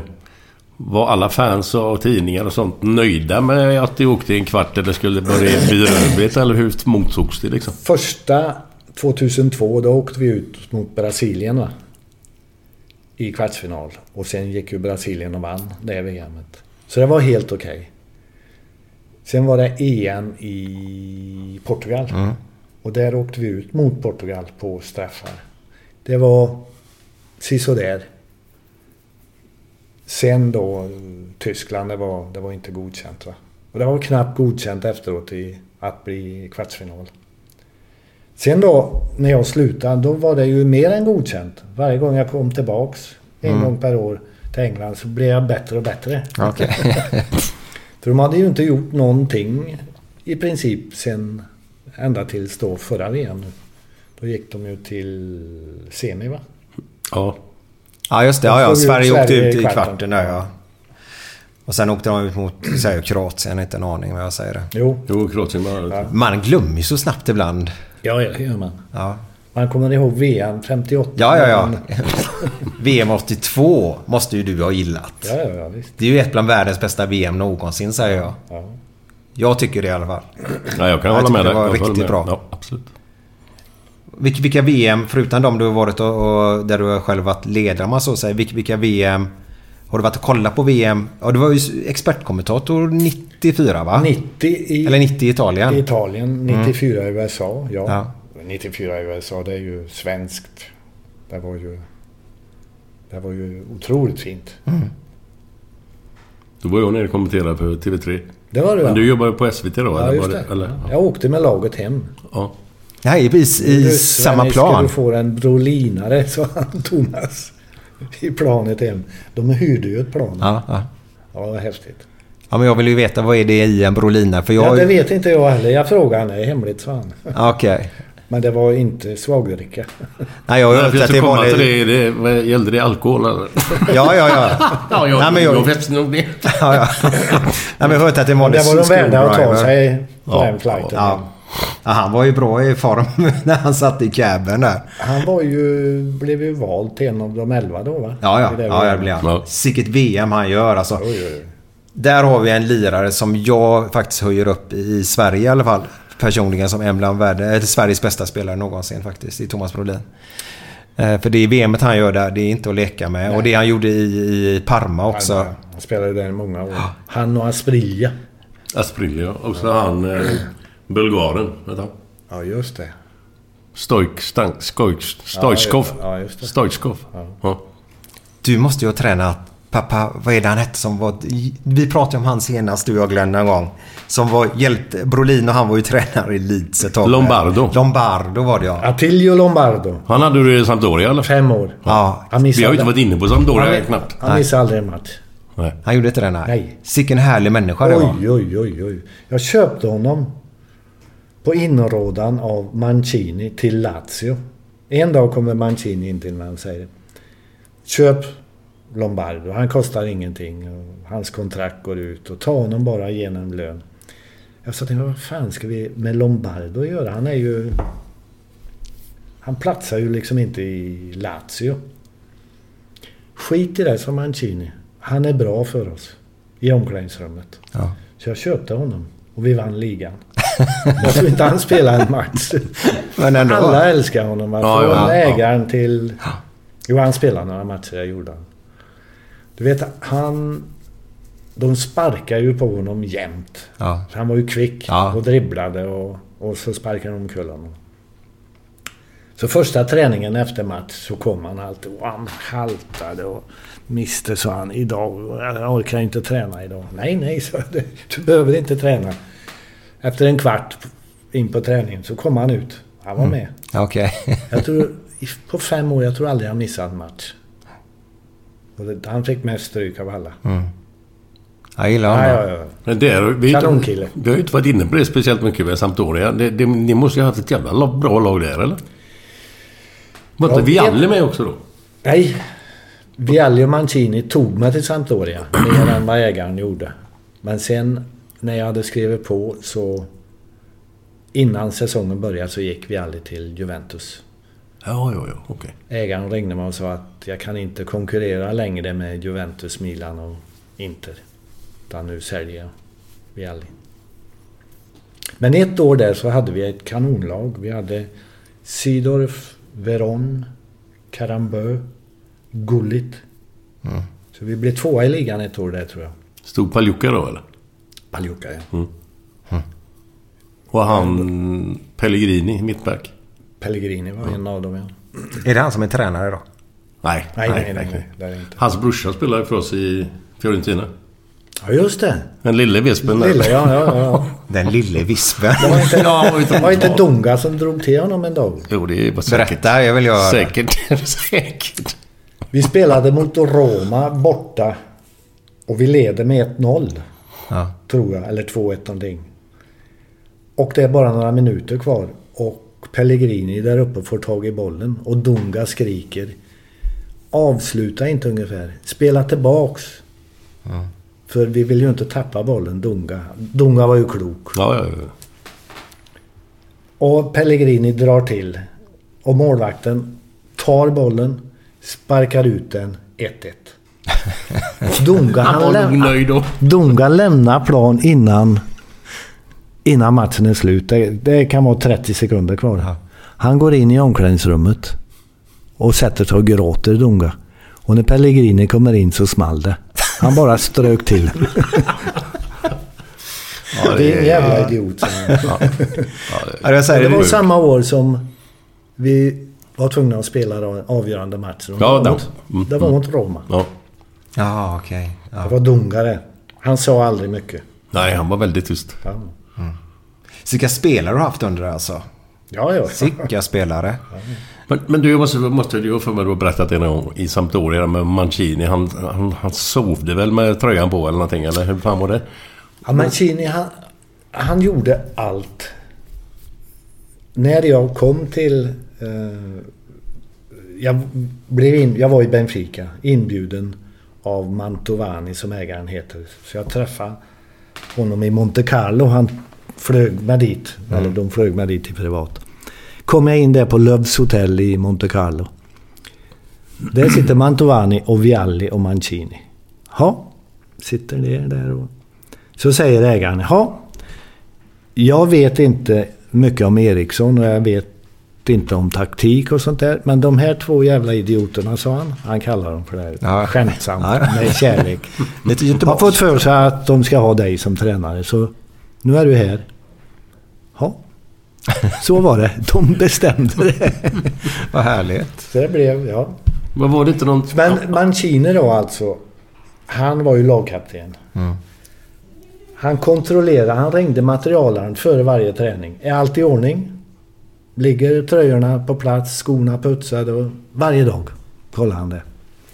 Han frågar mig, ja vilka tar du ut och så där vidare. Inte han la sig i men vet alla om det och så vidare. Och, eh, en dag i veckan, en dag var fjortonde dag, hela truppen plus ledare på restaurang i allmänhet måndagkväll. Mancini bjöd allihop. Betalade alltid. Han gjorde allt, allt, allt. Han var med om nyförvärv, vilka som skulle värvas. Så jag sa till honom efter ett tag. Hur fan kan du spela match på lördag eftermiddag? Mm. Nu har du gjort allt i klubben. Han var sån. Jag tror han fortfarande är sån. Var det någonting att han valde busschaufför eller, eller någonting med bussen? Allting. Han skulle ju kört bussen till och med. Eller, fan... Allting, allting, allting. Vad jobbar sig i kontrollbehov? Han, han, han är sån. Ja. Men har han fått lida för det sen när han är tränare sen eller vad? Eller... Han led ju av det som... Han, han blev ju vansinnig på sina egna spelare när Mm. de gjorde fel. Va? Mm. Helt vansinnig blev han. Och vansinnig på domare. Okej. Han blev utvisad titt som tätt. Protest mot domare. Mm. Men han tyckte att han gjorde fel. Ja, ja, ja. Ja, då ska de ju få höra det. Där fick de. Ja. Men jag vill gå in på England där bara lite eh, där. Eh, den... Du kommer till England och börjar eh, första matcherna där så har du ett rekord på, på att vara obesegrad. Mm.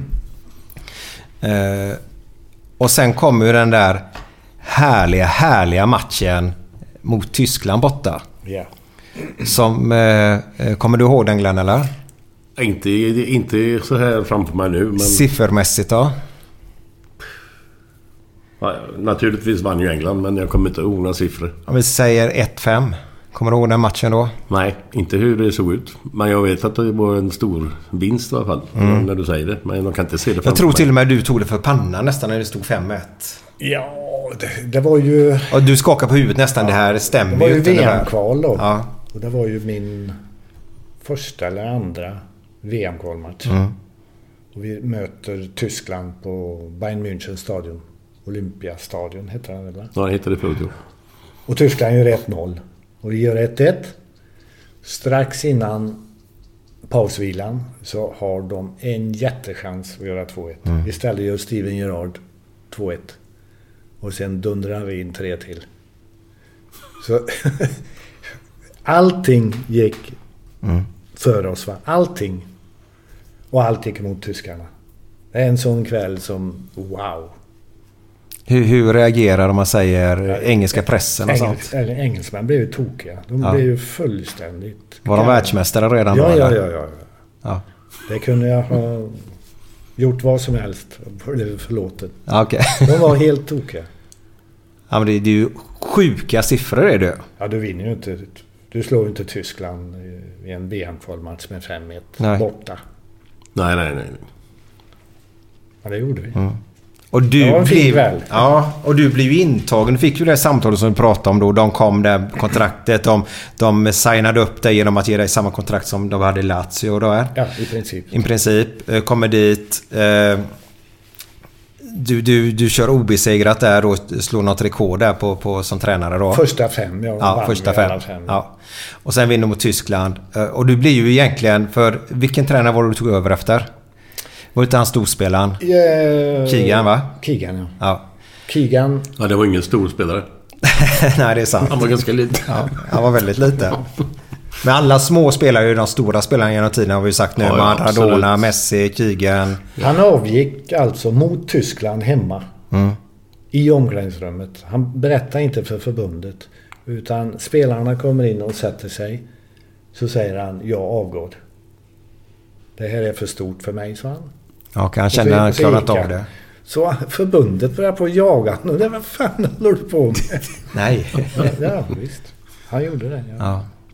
Så han avgick. Och det var då jag fick första telefonsamtalet. Från en agent då. Jag trodde att det är inte möjligt. Och då hade ju han och andra sagt att VM 2002 kan jag lägga åt sidan. Nu är det 2006 som gäller. Vi Ja. kommer inte ens ta oss i 2002. Ja. Så kommer du in där som tränare, tar rekordet 5-1 mot Tyskland borta. Och sen har ni en sista avgörande match hemma mot eh, Grekland. Yes. Där då eh, det inte går så bra i början. Nej, vi spelar ju dåligt och det står 0-0 va och det räckte inte för oss. Jag tror vi var tvungna att vinna för annars hade vi varit tvungna att kvala till... eh, Till... eh, Och ja, allting går fel och vi får frisparkar och Beckham tar frisparkarna och han missar varenda en. Bedrövligt dålig. Han är dålig, hela laget är dåligt. Och vi spelar hemma. Så jag- jag tror det är nästan på övertid. Får vi en frispark och då... Grekerna leder med 2-1 nu. Grekerna leder med 2-1, det stämmer. Ja, ni behöver ha just det. 2-2 målet för att gå ja, vidare. Ja, vi behöver oavgjort, tror jag det. Jag tror vi är på 94-95 minuten nu till och med. det stämmer. Och då hade jag bytt in... Vad heter han forwarden? Står det still? Sheringham. Sheringham, ja. Teddy Sheringham hade jag bytt in. Så får vi frispark i ett bra läge. Och Teddy Sheringham går fram och flyttar på bäcken. Nu tar jag den här. Du har fan med missat tio gånger. Och Beckham säger till en försvinn. Så han tar frisparken Beckham. Och sätter dit den. I krysset. Ja, det är så snyggt. Det är så snyggt. 2-1 stod det där. Ja. Och då är matchen slut va? 2-2. Ja, ja. VM-biljetten klar. Och han bara hoppar fram inför publiken och bara ah, skriker. du. Alltså den bilden, den är ju... Alltså, Ja, ja. Nu gillar jag ju Sverige mer än England men... Alltså sicket ögongodis. Alltså det är vackert är det. Hur kände du dig? Så jag kommer ihåg Beckham sa någonting när vi kom in i omklädningsrummet. Jävla tur att jag tog den frisparken, sa han till Teddy Sheringham. Teddy sa, du, sa han. Jag hade gjort mål jag också, sa han. Ja.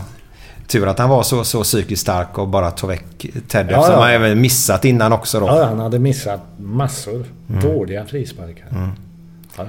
Men det är världsspelare. De vet vad de gör. ja. ja. Mm. Absolut. Och där var ju världens bästa högerfot som du sa då. Hur, vad var det som gjorde att den var så magisk, hans högerfot? Ja, jag tror att eh, jag hade den ju inte som ung va. Väl, väldigt ung. Men när jag hade den, han stod ju och slog frisparkar och hörnor och eh, skott efter träningarna. Okej. Han och Roni, det var ju hopplöst att få dem med efter träning. De stod ju där och höll på. Okej. Även Wayne? Rone? Ja, ja, ja. Lika träningsnarkoman. Mm. Bägge två. Ja, man kan ju tro att det är tur många gånger, men det är det inte. Nej, De måste ju fan träna så att det Ja, ja, ja. Jag kom tänka på en grej. Eh, Theo Walcott, tog inte du ut honom till 02? Eller var det 06? 06. Ja, var han väldigt ung då? Han var, han var väldigt ung. Ja. Men jag hade liksom dåligt med andra. Ja. Var- Men var han en stor stjärna? Tror du, tror du att han skulle bli en riktig världsspelare? Det trodde alla. Ja. Du, den... du, du hade den frågan. Ja, exakt vad det jag kom på Han nu. blev aldrig så bra som vi trodde. Nej. Och hade långa diskussioner. Han spelade ju för Arsenal. Mm. Med Arsene Wenger om honom. Wenger och jag, vi blev ju vänner där när jag hade landslaget och så vidare. Så han var ju övertygad om att han skulle bli bättre än Terry Henry. Okej. Han var kvickare. Ja. Och Wenger, han testade ju spelare sprinter på 30 meter va. Mm. Och så skulle de gå tillbaks och så sprinta 10 gånger. Och så skulle de hålla... De skulle inte gå ner i tid va. Nej. Det, det menar han på, det är fotbollskondition idag. Mm. 30 meter och så vila lite och så 30 meter igen. Och han var den bästa spelare som Wenger någonsin hade haft på den här testen. Okej. oj. Dessutom då. Ja. Men han blev aldrig så bra som han borde ha blivit. Jag vet inte varför. Nej. Ja, det var synd. Ja, det det. Ångrar du? För du, du slängde aldrig in honom 06 va? Du gjorde inte det? När vi spelade kvartsfinal där mot Portugal så blev ju Rooney utvisad. Ja, just det. The Golden Boy. Ja. Ja. Och det är ju oavgjort då va. Mm. Och vi hamnar ju... Det är 30 minuter kvar av matchen då. Så det var inte läge att kasta in en forward då oprövad utan... Så blev det förlängning. Så vi spelade en timma där mot Portugal med 10 man. Ja, just det. Och skulle ha gjort mål. Saul Campbell skulle ha satt en där.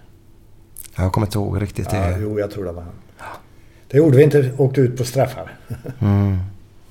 Så kan det gå. Ja. Men det är ju så små marginaler hit eller Ja, dit. Alltså, det är ju... Glenn är ju bra straffläggare faktiskt. Ja. Han har slagit en straff i sitt liv säger han. Och det var med Gais och han missade han. Stämmer detta Glenn? Nej, jag slog... Det var Svenska cupen, stolpe in. Jaha. Ja. Jag har för mig du berättade att du missade det. Nej. Den enda straffen. Ja. Sen jag tagit, ja, nej, jag har tagit en straff till i poj, pojklandslaget på Island en gång. Den första... Den missade Den missade, okej. 50% är du då i alla Mm. Ja, fall. Ja. Det är inte illa. Jag trodde jag var den första att tänka på när jag skulle slå straffar. Nej men du, eh, du försöker för i, i din bok då Svenne, så jag kan rekommendera alla er som lyssnar här. Alltså, har ni inte läst den innan nu så går ni iväg och köper den. Eller så lyssnar ni på en ljudbok då som jag gör. För han som läser in den gör det väldigt bra. Jag kommer inte ihåg vad han heter igen. Nej, jag vet inte. Eh, så, så eh, där säger faktiskt Svennis att du har bättre teknik än vad du tror. Och nu i det här avsnittet idag, i början på den, så sa faktiskt Svennis att du har bra teknik och du bara slår ifrån direkt. Nej, jag har ingen bra teknik överhuvudtaget. Du, ibland förminskar du dig för mycket själv Glenn. Du, du måste Men ta du hade dig. väldigt bra långa passningar. eh. Ja, långa passningar ja. Men det, jag- när jag tänker på teknik så är det ju liksom lite match. Lite ja, finare rörelser. Kolla din teknik jag, jag när du har bryter haft bollar. en sån mittback i England som ja, påminner lite om det. Men tekniskt sett samma. Det var... eh, Vad heter han? Terry. John Terry. John Terry ja. Jag satt och tänkte på honom faktiskt. Och han hade ju bra teknik men den vi, han visade liksom aldrig. Men när du står och slår bollen till varandra på volley va? Mm. Eh, Tävlade engelskspelarna, det skulle vara två tillslag va? De är ju inte snälla mot varandra. Skickar till bollen i bröstet och så nästa ska tillbaka? Och Terry vann ofta de där eh, Ja, ja, okej. tävlingarna. Ja, det kan man inte tro här. Att Nej, han har nej. någon st- större teknik. En bra passningsspelare egentligen. Vi, vi ska börja runda av. Men vilket är ditt finaste minne från, eh, från England?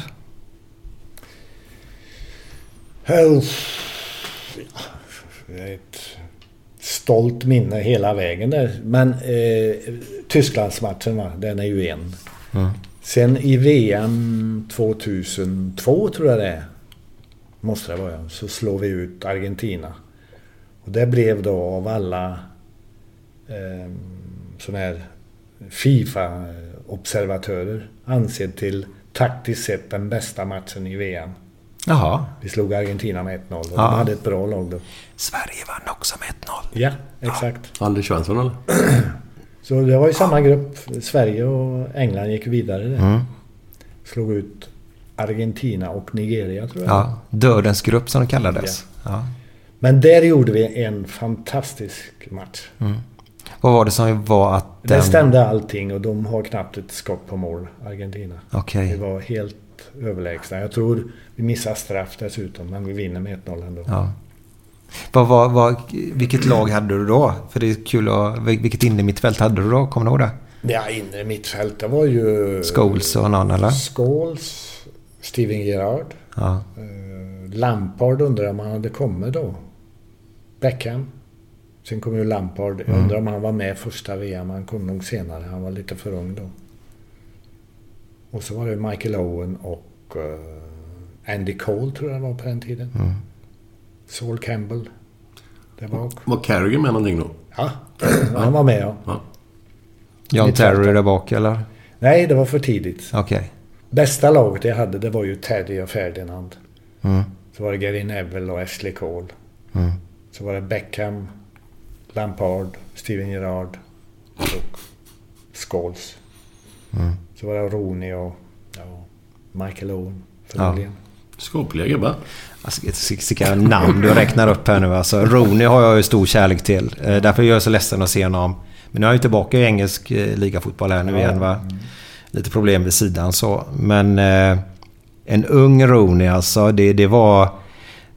Ja, det var häftigt att se honom spela fotboll tycker jag. Han lyckades aldrig i de stora turneringarna på grund av skador och han blev utvisad. Eh, så att, ja det är synd. Men ibland så, det förundrar mig. Han är ju kritiserad ibland här och där va. Men han är ju alltså i Manchester United den som har spelat flest matcher och gjort flest mål. Mm. Och likadant i landslaget. Har spelat mest? Jag tror han spelar mest matcher och gjort flest mål. Både i Manchester United Ja, och England. United kan jag kanske förstå, men... Nej, men han, han var ju den yngste, yngste Han var 17 engelska han spelaren när han du. debuterade. Mm. Ja, och nu för tiden spelar han mer, äng- mer landskamp än man gjorde förr också. Så, Det är svårt att kritisera en sån gubbe. Ja, ja, var hittar de det någonstans? ja. ja, jag gillade honom. Jag gillade honom, den unge. Ja, ja, ja. Ju... Så, men han kommer väl från Everton från början va? ja. Han spelade där under Moyes. David Moyes. Jaha, som tog över United sen. Som Ja. inte gick så bra Ja, för. ja. Har du sett Rooneys farsa nu? Alltså kopia tror jag. Det är det va? Fast lite kort, kort, kort och tjock. Han var ju boxare pappan. Ja. Jaha, Ja, jag var boxare. Så Roney började som boxare också. Man blev knockad och då fick han nog av det. Åh, herregud, ja, jag såg några här kort på dem när de var små. Ja, Men man ser att de är engelsmän. De har flaxöronen och, och det är... ja, Alltså, inget sådär men... Vi pratade om fördomar före. Ja. Alltså man ser verkligen det är en engelsk pojk. Och alla de här killarna såg så likadana ut allihopa. Undrar vad den han var pappan... likadan. Han var 17 grov vet du. Ja, ja. Han var ju kvickare då va. Ja, så tror tappade han ju så småningom allt. Men du sa att han är tillbaka vid fotbollen. Vem på vilket sätt då? Han ska bli coach i någon division 1-lag va? Var det inte det? Oh, det här borde jag kunna nu. Derby. Derby var det va? Jag tror det. Var det. Så han bröt ju kontraktet nu för nu har han ju bort sig någonting i MLSL eller vad heter den? I USA-ligan där. Så han bröt kontraktet. Han skulle spelat där fram klart nu då. Så ska han komma tillbaka till vinter nu men jag tror att Han ska bli spelande tränare. Ja, jag tror det ja. Du, var inte du Notts County en kort sväng? Jajamän. Vad hände pengarna, där? pengarna tog tvärslut. Jag skrev på ett kontrakt. Femårskontrakt. De låg sist i League 2. Det är alltså division 4. Så långt ner i professionell liga du kan komma. Världens äldsta fotbollsklubb. Jag fick ett kontrakt där ägarna sa till mig. Du får ta hand om allting. Och du får fem år på dig att ta upp oss till Premier League. Och du får mer eller mindre obegränsat med pengar att köpa spelare för. Inte obegränsat, men stålar. Tänkte, vad fan, i slutet på min karriär. Jag tar det. De sa, du får vara president, sportdirektör, tränare. Du får göra vad du vill. Sköt det, det är ditt. Det är för jävla bra. Men det visade sig att de skulle in på börsen, de här gossarna. Och de kom aldrig in. Så det fanns inga pengar. Nej. Så de försvann bara en dag. De vill in och hämta börspengarna helt enkelt då. Jag vet egentligen inte.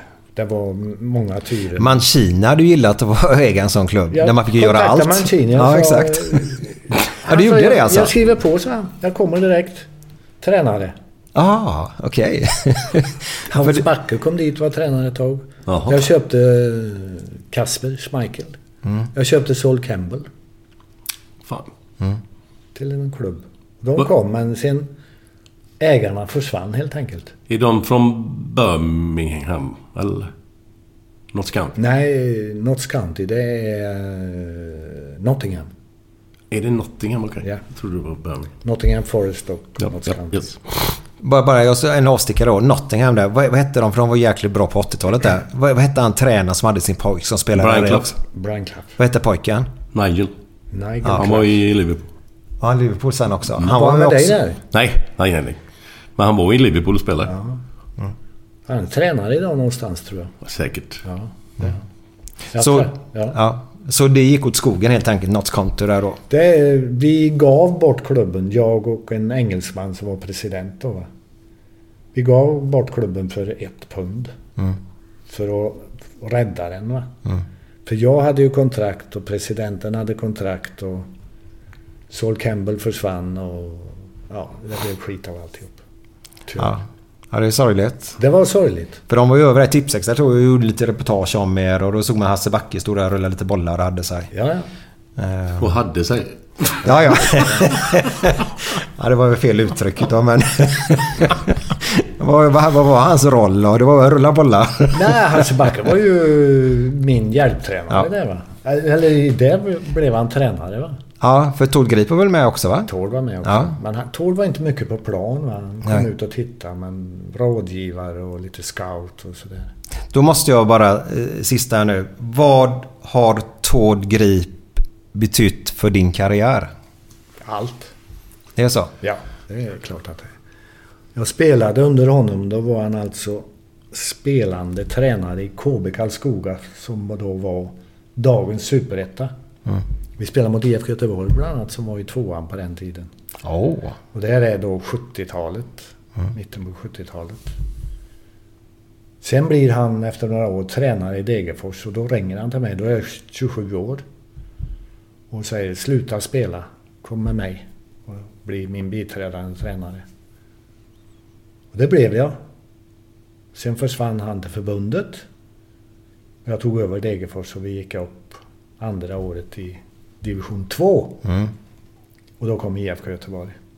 Och då var Tord U21-tränare. Jo, med dig. Eller du hade ju... Vi mötte ju Skottland på Stora Valla. Ja, ja. Men det var ju du som var tränare också då. Ja, jag var biträdande till Tord. Jaha, jaha. Det var ju ett jädra lag vi hade. Ja, ja. U21. Tobin var ju med och... Vi vann ju varenda match. Ja, ja, ja. Och A-landslaget under Laban förlorade varenda match. Ja. Och när året var slut fick Tord och jag sparken av Laban. Ja, det är fina Ja. turer. Därför att vi representerade fel fotboll. Ja, du, du, du är rolig också Gla. Var det ett jävla lag? Ja, Torbjörn var ju med. det det räcker ju bara. det Ja, ja. Jag gillar det. Jag gillar var det. eh, Bröderna Ravelli var med och... Prytz och Strömberg var med. Och Jajamän, ja. Kanonlag hade vi. Vann varenda match. Och A-landslaget, de höll på att kvala där till vad det nu var. 82 var det va? Ja, de gick ju inte. Nej, nej, nej. Förlorade. Nej, nej. Jag har gråa hår kvar från den tiden ännu. Nordirland hemma, 01. Ja. Eller var det borta kanske?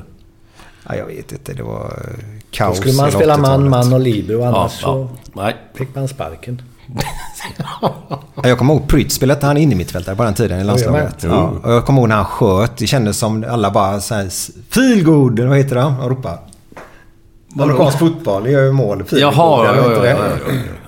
Ja, ja, jag, vet vad du menar. Som en satellit, satellit. Ja, jo. Varje gång han sköt. Ja, men de gick väldigt högt bollarna så det var det jag skulle säga. Prytz. Ja, jag gillar honom. Jag gillar honom. Han var ju faktiskt i Blåvitt, en snabbis. Jajamän. De köpte hem honom, gjorde honom en bra fotbollsspelare, sålde honom igen. Så det var en bra affär för Blåvitt, mitten på 80-talet där. Han bodde på Hotell Opalen i typ ett halvår eller någonting. Ja, så vidare igen.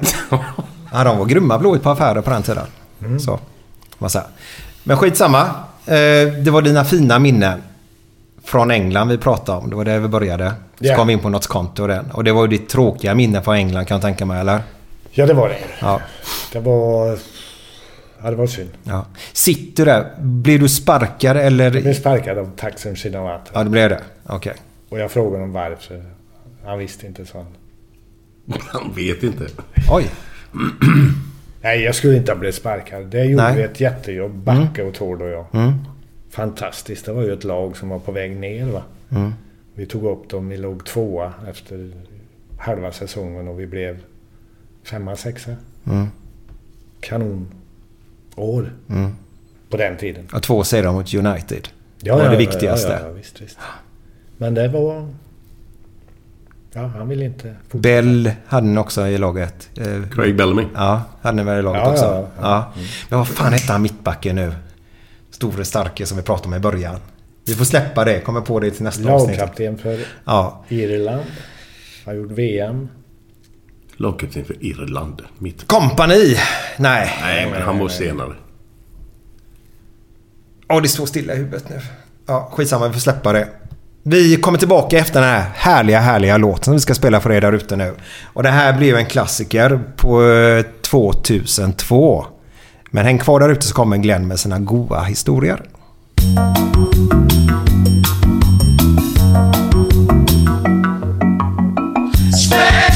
Strange, Gordon Erickson. He's got Jimmy Samuel's haircut so that he get a lovely girlfriend. He tried so many players for the Holland game. Yeah, how do you forget Collymore? They say he's insane. Strange, strange, strange, Gordon Erickson.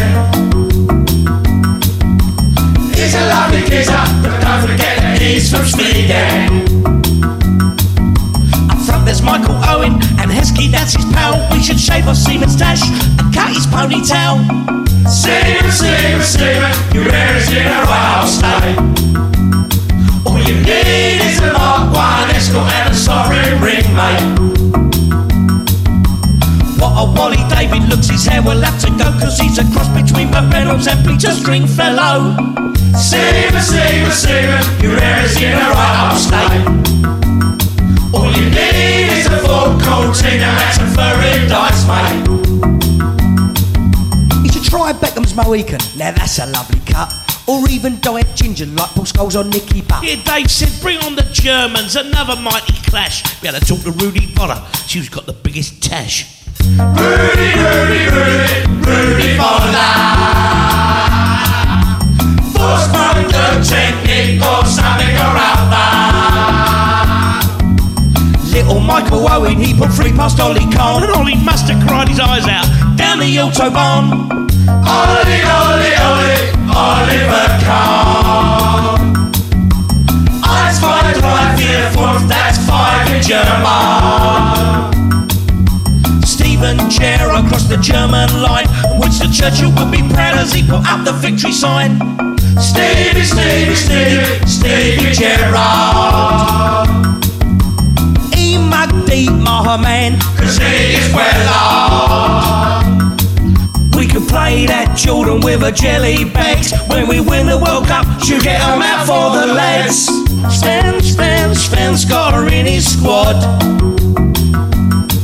He's even brought back Nobby Styles, Jeff Hurst, Martin Peters and Ken Dodd. Ken Dodd? Yeah, well, Golden Banks don't exactly rhyme a squad, does it? I know something that does. Go on, Sam. Sven, Sven, Sven, Goran Eriksson. Well, Sven, Sven, Sven, Goran Eriksson. He's a lovely geezer.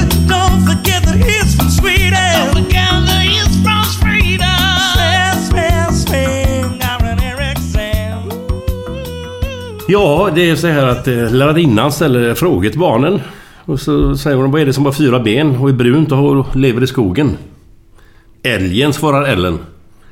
Rätt tänkt, säger lärarinnan, men det kan också vara ett rådjur. Ja. Vad är det som är grönt och hoppar i gräset? Gräshoppa, svarar Ulla. Helt tänkt rätt, jättebra, men det kan vara en groda också. Då ställer sig Gösta upp och ställer en fråga till lärarinnan. Vad är det som är stort och hårt när fröken stoppar den i mun? Och litet och mjuk när den tas ut igen? Lärarinnan ger Gösta en örfilsmack, säger det. Då säger han Rätt tänkt fröken, men det kan vara tuggummi också.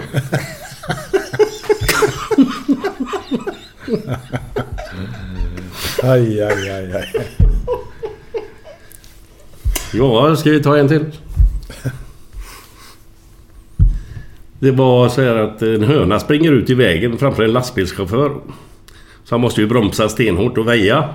Så han vevar ner rutan och skriker till, till hönsen. Jävla kärringar, håll er borta från vägarna. Då ropar hönan tillbaka. Ja men fitta och ägg, det vill ha era jävlar.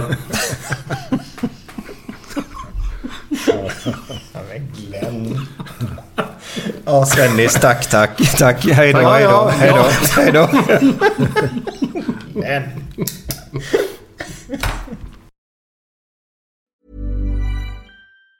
Even on a budget, quality is non-negotiable. That's why Quince is the place to score high-end essentials at 50 to 80% less than similar brands. Get your hands on buttery soft cashmere sweaters from just 60 bucks, Italian leather jackets, and so much more.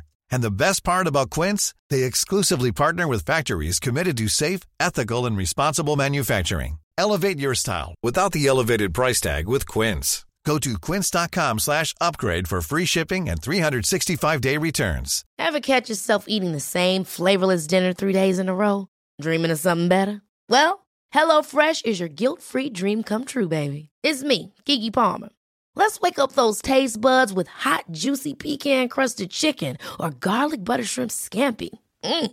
Hello Fresh. Stop dreaming of all the delicious possibilities and dig in at HelloFresh.com. Let's get this dinner party started.